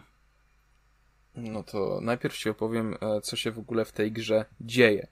Akcja Roller Drome przenosi nas do 2030 roku, czyli do bardzo niedalekiej przyszłości. Eee, mimo tego, że minęło parę lat względem teraźniejszości, e, no to jest. E, nastało sporo, e, sporo zmian. I jedną z tych zmian jest właśnie bardzo brutalny, ale też jakże efektowny sport, który jest jakby w tytule, czyli roller, roller drum. E, za tym wszystkim stoi e, korporacja, która nazywa się Mater, Matterhorn. Strasznie trudne mają te nazwy w tej grze. E, w każdym razie o co chodzi w tym sporcie? Musimy jeździć na wrotkach po wielkim takim skateparku, no i zabijać innych ludzi. E, e, także tak, no taki zwykły, Piątek, e, no. zwykły sport. E, natomiast, co jest świetne, co jest doskonałe, to jest fakt, że oczywiście, jako że to jest skatepark, a my zapierdzielamy na wrotach, to musimy robić różne sztuczki. I powiesz, hmm, ale Kacprze, sztuczki mogą sprawić, że nie będę mógł dobrze celować, nie będę mógł się skupić na celowaniu. E, lepiej więc jeździć spokojnie, unikać strzałów i strzelać we wrogów. Tak mógłbyś powiedzieć. A ja ci w tym wtedy odpowiedział, owszem, w teorii mógłbyś mieć rację, natomiast w praktyce, żeby uzupełniać amunicję, której nie możemy mieć więcej niż jeden magazynek, które nie mają wcale dużo pocisków, musimy wykonywać triki. Co więcej, żeby regenerować nasze zdrowie, musimy eliminować przeciwników, w związku z czym nie ma chwili na odpoczynek. Musimy cały czas robić backflipy, frontflipy, jakieś, nie wiem, ślizgać się po ścianach, ślizgać się po krawędziach i do tego strzelać wrogów i zdobywać życie i zdobywać amunicję i w ogóle robić rzeczy. Super sprawa. Do tego gra jest bardzo efektowna, bo poza tymi trikami e, rywale potem mają snajperki, mają nawet bazuki, więc latają e, rakiety, musimy je omijać, one wybuchają, bardzo dużo się dzieje. Mm, są też różne oczywiście e, areny, gdzie mamy na przykład wielką przepaść, jeśli za, za wolno będziemy jechać, czy się nie wybijemy w odpowiedniej chwili, to po prostu spadniemy, co skutkuje respawnem, ale z mniejszą ilością HP, co spo powoduje, że musimy szybko wyeliminować jakiegoś wroga, co wcale nie jest łatwe, bo możemy, musie, możemy mu musieć przeskoczyć przez tą krawędź. Bardzo dużo rzeczy się dzieje, tak jak słyszycie, jestem normalnie podekscytowany, jak tylko o tym opowiadam. Mm, do tego mamy sami bardzo dużo, znaczy bardzo dużo, no mamy parę rodzajów broni, jest to zwykły pistolecik, e, jest to chociażby shotgun, z którego ja na przykład bardzo e, chętnie korzystałem i, i wydaje mi się, że jest najlepszą bronią. Jest też na przykład wyrzutnia rakiet, także też możemy sami wcielić się w Rambo. I co? I właściwie, kurczę, to, to nie wiem, czy można co, o tej grze coś więcej powiedzieć. E, ważne też jest faktycznie to, że jakby na każdej... Struktura tej gry jest troszeczkę jak mi się kojarzyła z Tony Hawkiem e, Pro Skater. Dlaczego? E, dlatego, że w teorii sama gra jest dosyć krótka i moglibyśmy się przez nią bardzo szybko przedrzeć. Natomiast, żeby e, przechodzić dalej do etapów kolejnych, nie wystarczy tylko po prostu pokonać wrogów i zaliczyć etap. Na każdej arenie mamy pewną jakby gamę misji, e, takich questów, które musimy wykonać. Mm, chodzi o zebranie dostatecznej ilości punktów, o wykonanie jakichś tam specjalnych zabójstw, whatever. E, I dopiero jak wykonamy odpowiednią wyznaczoną ilość, możemy przejść dalej. Więc to też nie jest tak, że to nie jest gra, że usiądziecie, skończycie ją w 3 godziny, bo będziecie na szybkości tylko latać i strzelać do ludzi. Tylko trzeba trochę przysiąść i też przede wszystkim tę grę zrozumieć. To jest, wydaje mi się, że troszeczkę też znak e, gier Roll 7, czyli e, jak to, to takie powiedzonko. Easy to learn, E, easy- hard to master. Właśnie, tak. E, więc ogólnie Roller Drum e, bardzo mnie zaskoczyło. Byłem bardzo ostrożny, e, aż chyba trochę zbyt ostrożny. Może w sumie nie wiem dlaczego, ale, ale bo powinienem mieć większe zaufanie do, do Roll 7. Ale nie wiem, miałem wątpliwości, czy to się e, uda, czy to będzie faktycznie taka gra, że, że będę mógł potem stwierdzić, że e, nie ma wstydu e, względem Oli Oli. A finalnie okazało się, że faktycznie tego wstydu nie ma i to jest bardzo, bardzo dobra produkcja. E, także ja od siebie serdecznie polecam. Na PlayStation Store w tej chwili kosztuje 134 zł, natomiast w ramach PS, PS Plus Premium możecie sobie pobrać tą wersję próbną e, i sprawdzić. Więc jeśli macie abonament, to możecie sami się przekonać. Ta godzinka myślę, że wam dużo powinna, no, będziecie wiedzieli o tej grze niemal wszystko. E, jeśli chodzi, jeszcze no właśnie, są zróżnicowane lokacje, a to mówiłem, że są zróżnicowane lokacje. No naprawdę dużo się tam dzieje, bardzo dużo i jestem tą grą oczarowany. Się zastanawiałem, czy się na to nie zgłosić do recenzji, ale jakoś tak mi powpadało e, trochę gier, więc e, stwierdziłem, że, że odpuszczę i troszkę żałuję, nie powiem, bo no, mimo, że to nie jest gra, którą ja bym chyba normalnie uznał jako grę dla siebie, e, to jest, jest bardzo wpyte. Wygląda, jestem, jestem zainteresowany z, po tej recenzji zwłaszcza. I naprawdę, naprawdę jest, jest, yy, może to nie jest, w sensie no nie jest to gra przełomowa i tak dalej, nadal to jest double A, nie, to jest indyk. Natomiast spełnia swoją rolę i naprawdę, no, ja się bawiłem doskonale, więc y, bardzo, bardzo dobre indyki w ogóle w tym A odcinku. ostatnio E. jeszcze jedna taka w ogóle gra wyszła, nie? Te, też od Ubisoftu chyba. Yy, to tam się nie strzelało wprawdzie, ale, ale to było, że się jeździło na wrotkach, czy tam na na tych łyżwach z kółkami, kurwa. Rolkach. Rolkach? Łyżwach z kółkami, okej. E, się, też tam się jeździ, to jakieś takie, nie wiem, pseudowyścigi są, czy się jakąś piłką rzuca, coś takiego. E, także to jest jakiś taki mały trend się zrobił. To jest ciekawe, bo często te, takie podobne pomysły się pojawiają w podobnym czasie i no właśnie ta gra mi się kojarzy z tym. No głównie przez te przez te wrotkorolki. To powiem ci szczerze, że akurat nie wiem o czym, o czym dokładnie mówisz, ale ja mam nadzieję, że ta gra Ubisoftu jest dobra, bo wtedy mogę uznać, że twoje skażenie jest dobre, bo Roller Drum jest bardzo dobre. Roller, wiem, Roller Champions. Okej, to powiem ci, że sam tytuł nic mi nie mówi. A to w maju to wyszło już. Uhuhu. Czy to...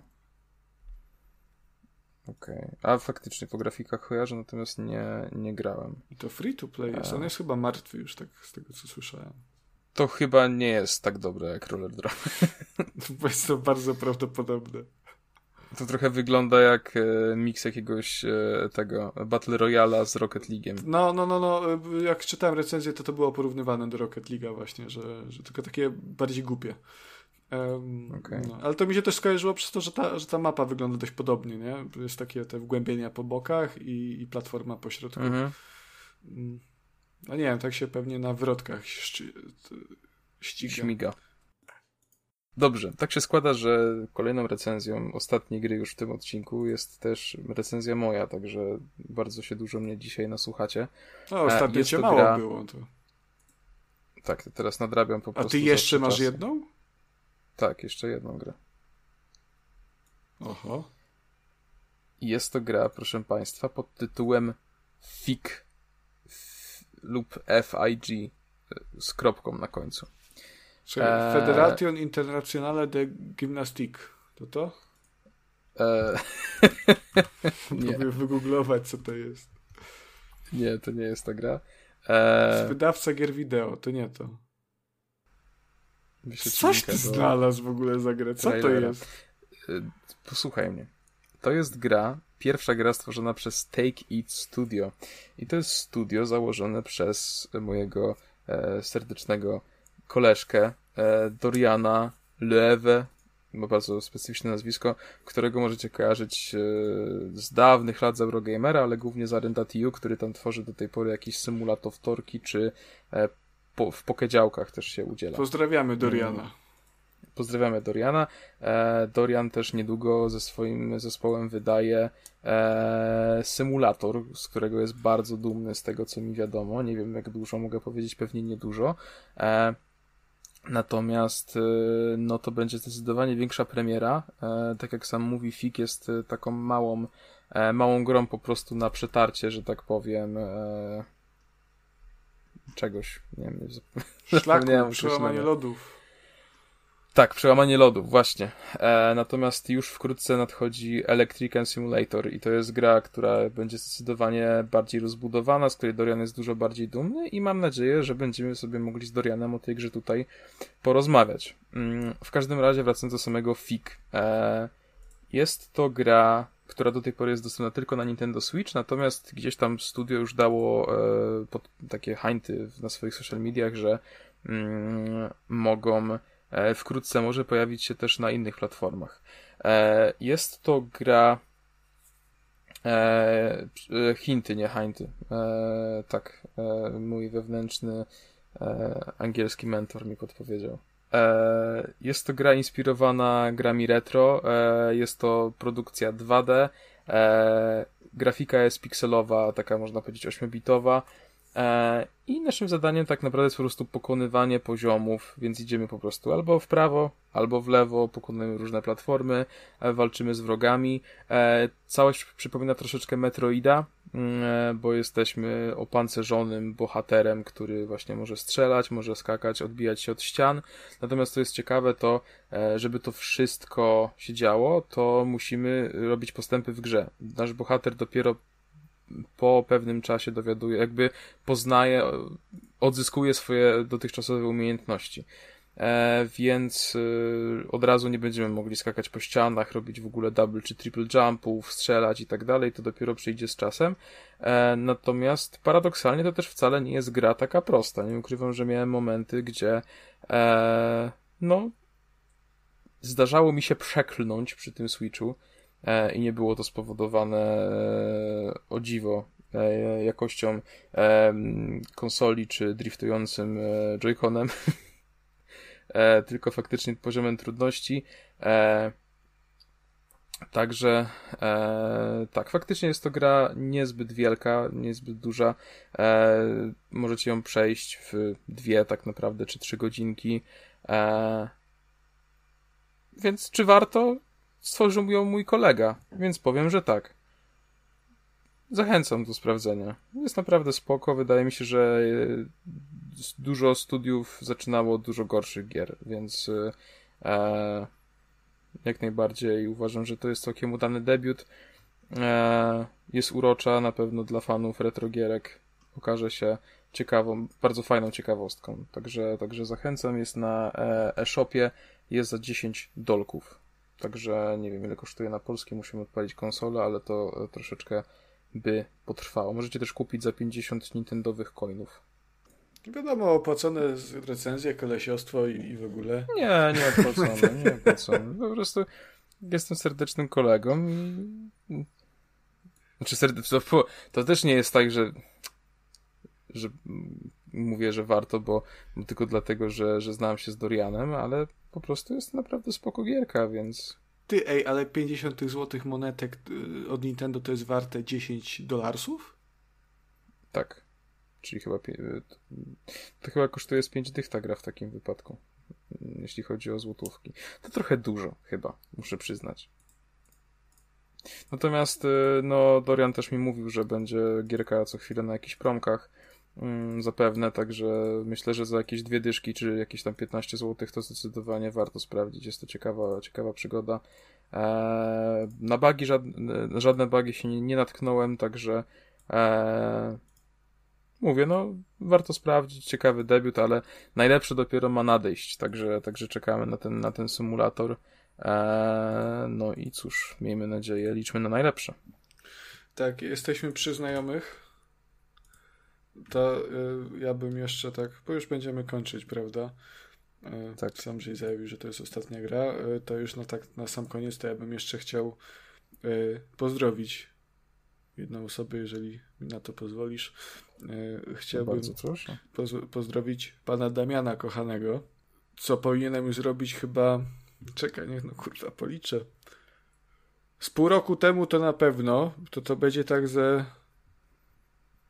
ze 6-7 odcinków temu? Coś takiego. E, Pan Damian e, nagrał nam to takie bardzo ładne intro e, metalowe. To jest mój serdeczny przyjaciel, prawda? Kolega z, o wielkim talencie muzyczno-artystycznym, prawda? I niebagatelnym poczuciu humoru, także pozdrawiam i przesyłam całuski. Mua. To ja również serdecznie pozdrawiam i myślę, że w takim razie w tym odcinku też to intro powinno wybrzmieć. A może, a, cze, a czemu nie? No, no właśnie. Wyglądałoby, że, że to by było na tyle, także cóż, no bardzo dziękujemy za uwagę. To był 29 epizod y, Trójkastu. Dłuższy niż ostatni, zdecydowanie dłuższy. Dużo rzeczy się działo, dużo dużych gier, dużo też mniejszych gier, ale też dużo nadal ciekawych, interesujących, fajnych gier. Eee, Na pewno dużo nie było Smolaka w tym odcinku, to się możemy zgodzić, ale ogólnie było wszystkiego bardzo dużo. Też wysublimowanego humoru, ale to zresztą, jak zawsze, zdążyliśmy już Was do tego przyzwyczaić. Także dziękujemy za uwagę. Za mikrofonami był Konrad Moga, Dziękuję za uwagę i pozdrawiam. Pa! Kuba, Kuba Smolak, który właśnie tonie w swojej zimnej stodole, e, więc się z Wami nie pożegna. I Kacper Zembrowski, czyli ja, i również bardzo serdecznie dziękuję za przesłuchanie tego odcinka i do usłyszenia w następnym. Pa, pa! Pa!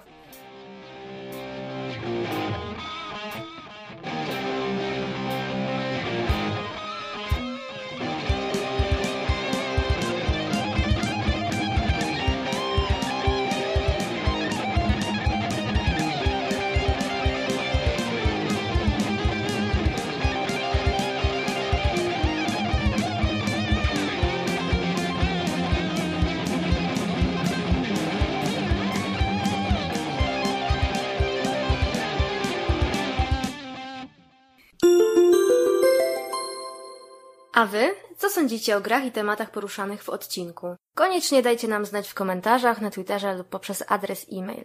Wszystkie linki znajdziecie w opisie. Pozdrawiamy. Ara, ara, sayonara!